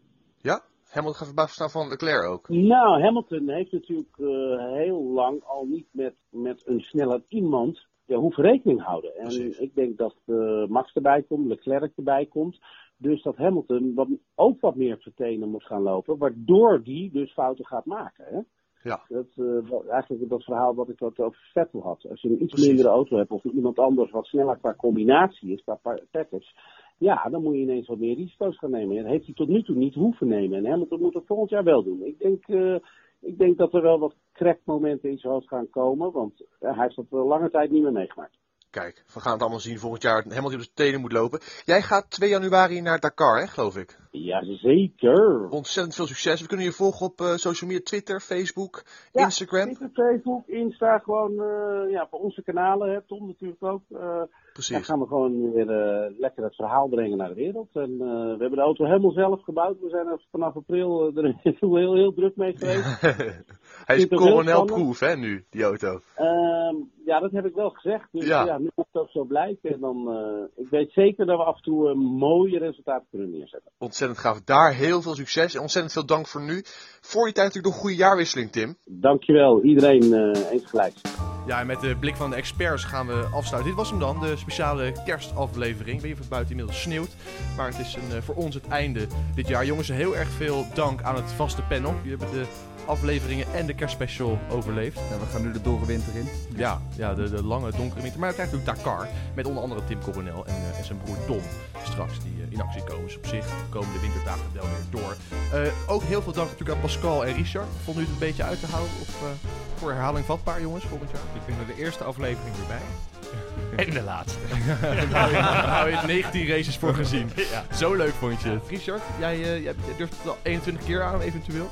Ja, ik, natuurlijk, je moet er wel tijd voor hebben. Want, eh, er wordt ook hard geraced, dus er moet ook hard worden geschreven. Maar eh, als de mogelijkheid is gaan, doe het absoluut gezellig. Over Weer hard op schrijven gesproken, Wise Nose die staat al klaar. Ja. Met de bericht Ja, op die- die- 200. die kan als vervanger optreden. Nogmaals, ook felicitaties ook aan Wise Nose voor zijn, voor zijn geweldige commentaar. En natuurlijk een speciaal woord van dank aan onze experts Jan Lammers en Tim Coronel. En wij zijn er weer rond februari, dan met een uitgebreide voorbeschouwing. Ja, houd nu op joh. Eh, tot die tijd, heel erg veel dank voor het luisteren. Graag tot 2019 en maak er een prachtige winter en jaarwisseling van. Graag tot volgend jaar. Wat is dit een kut podcast zeg?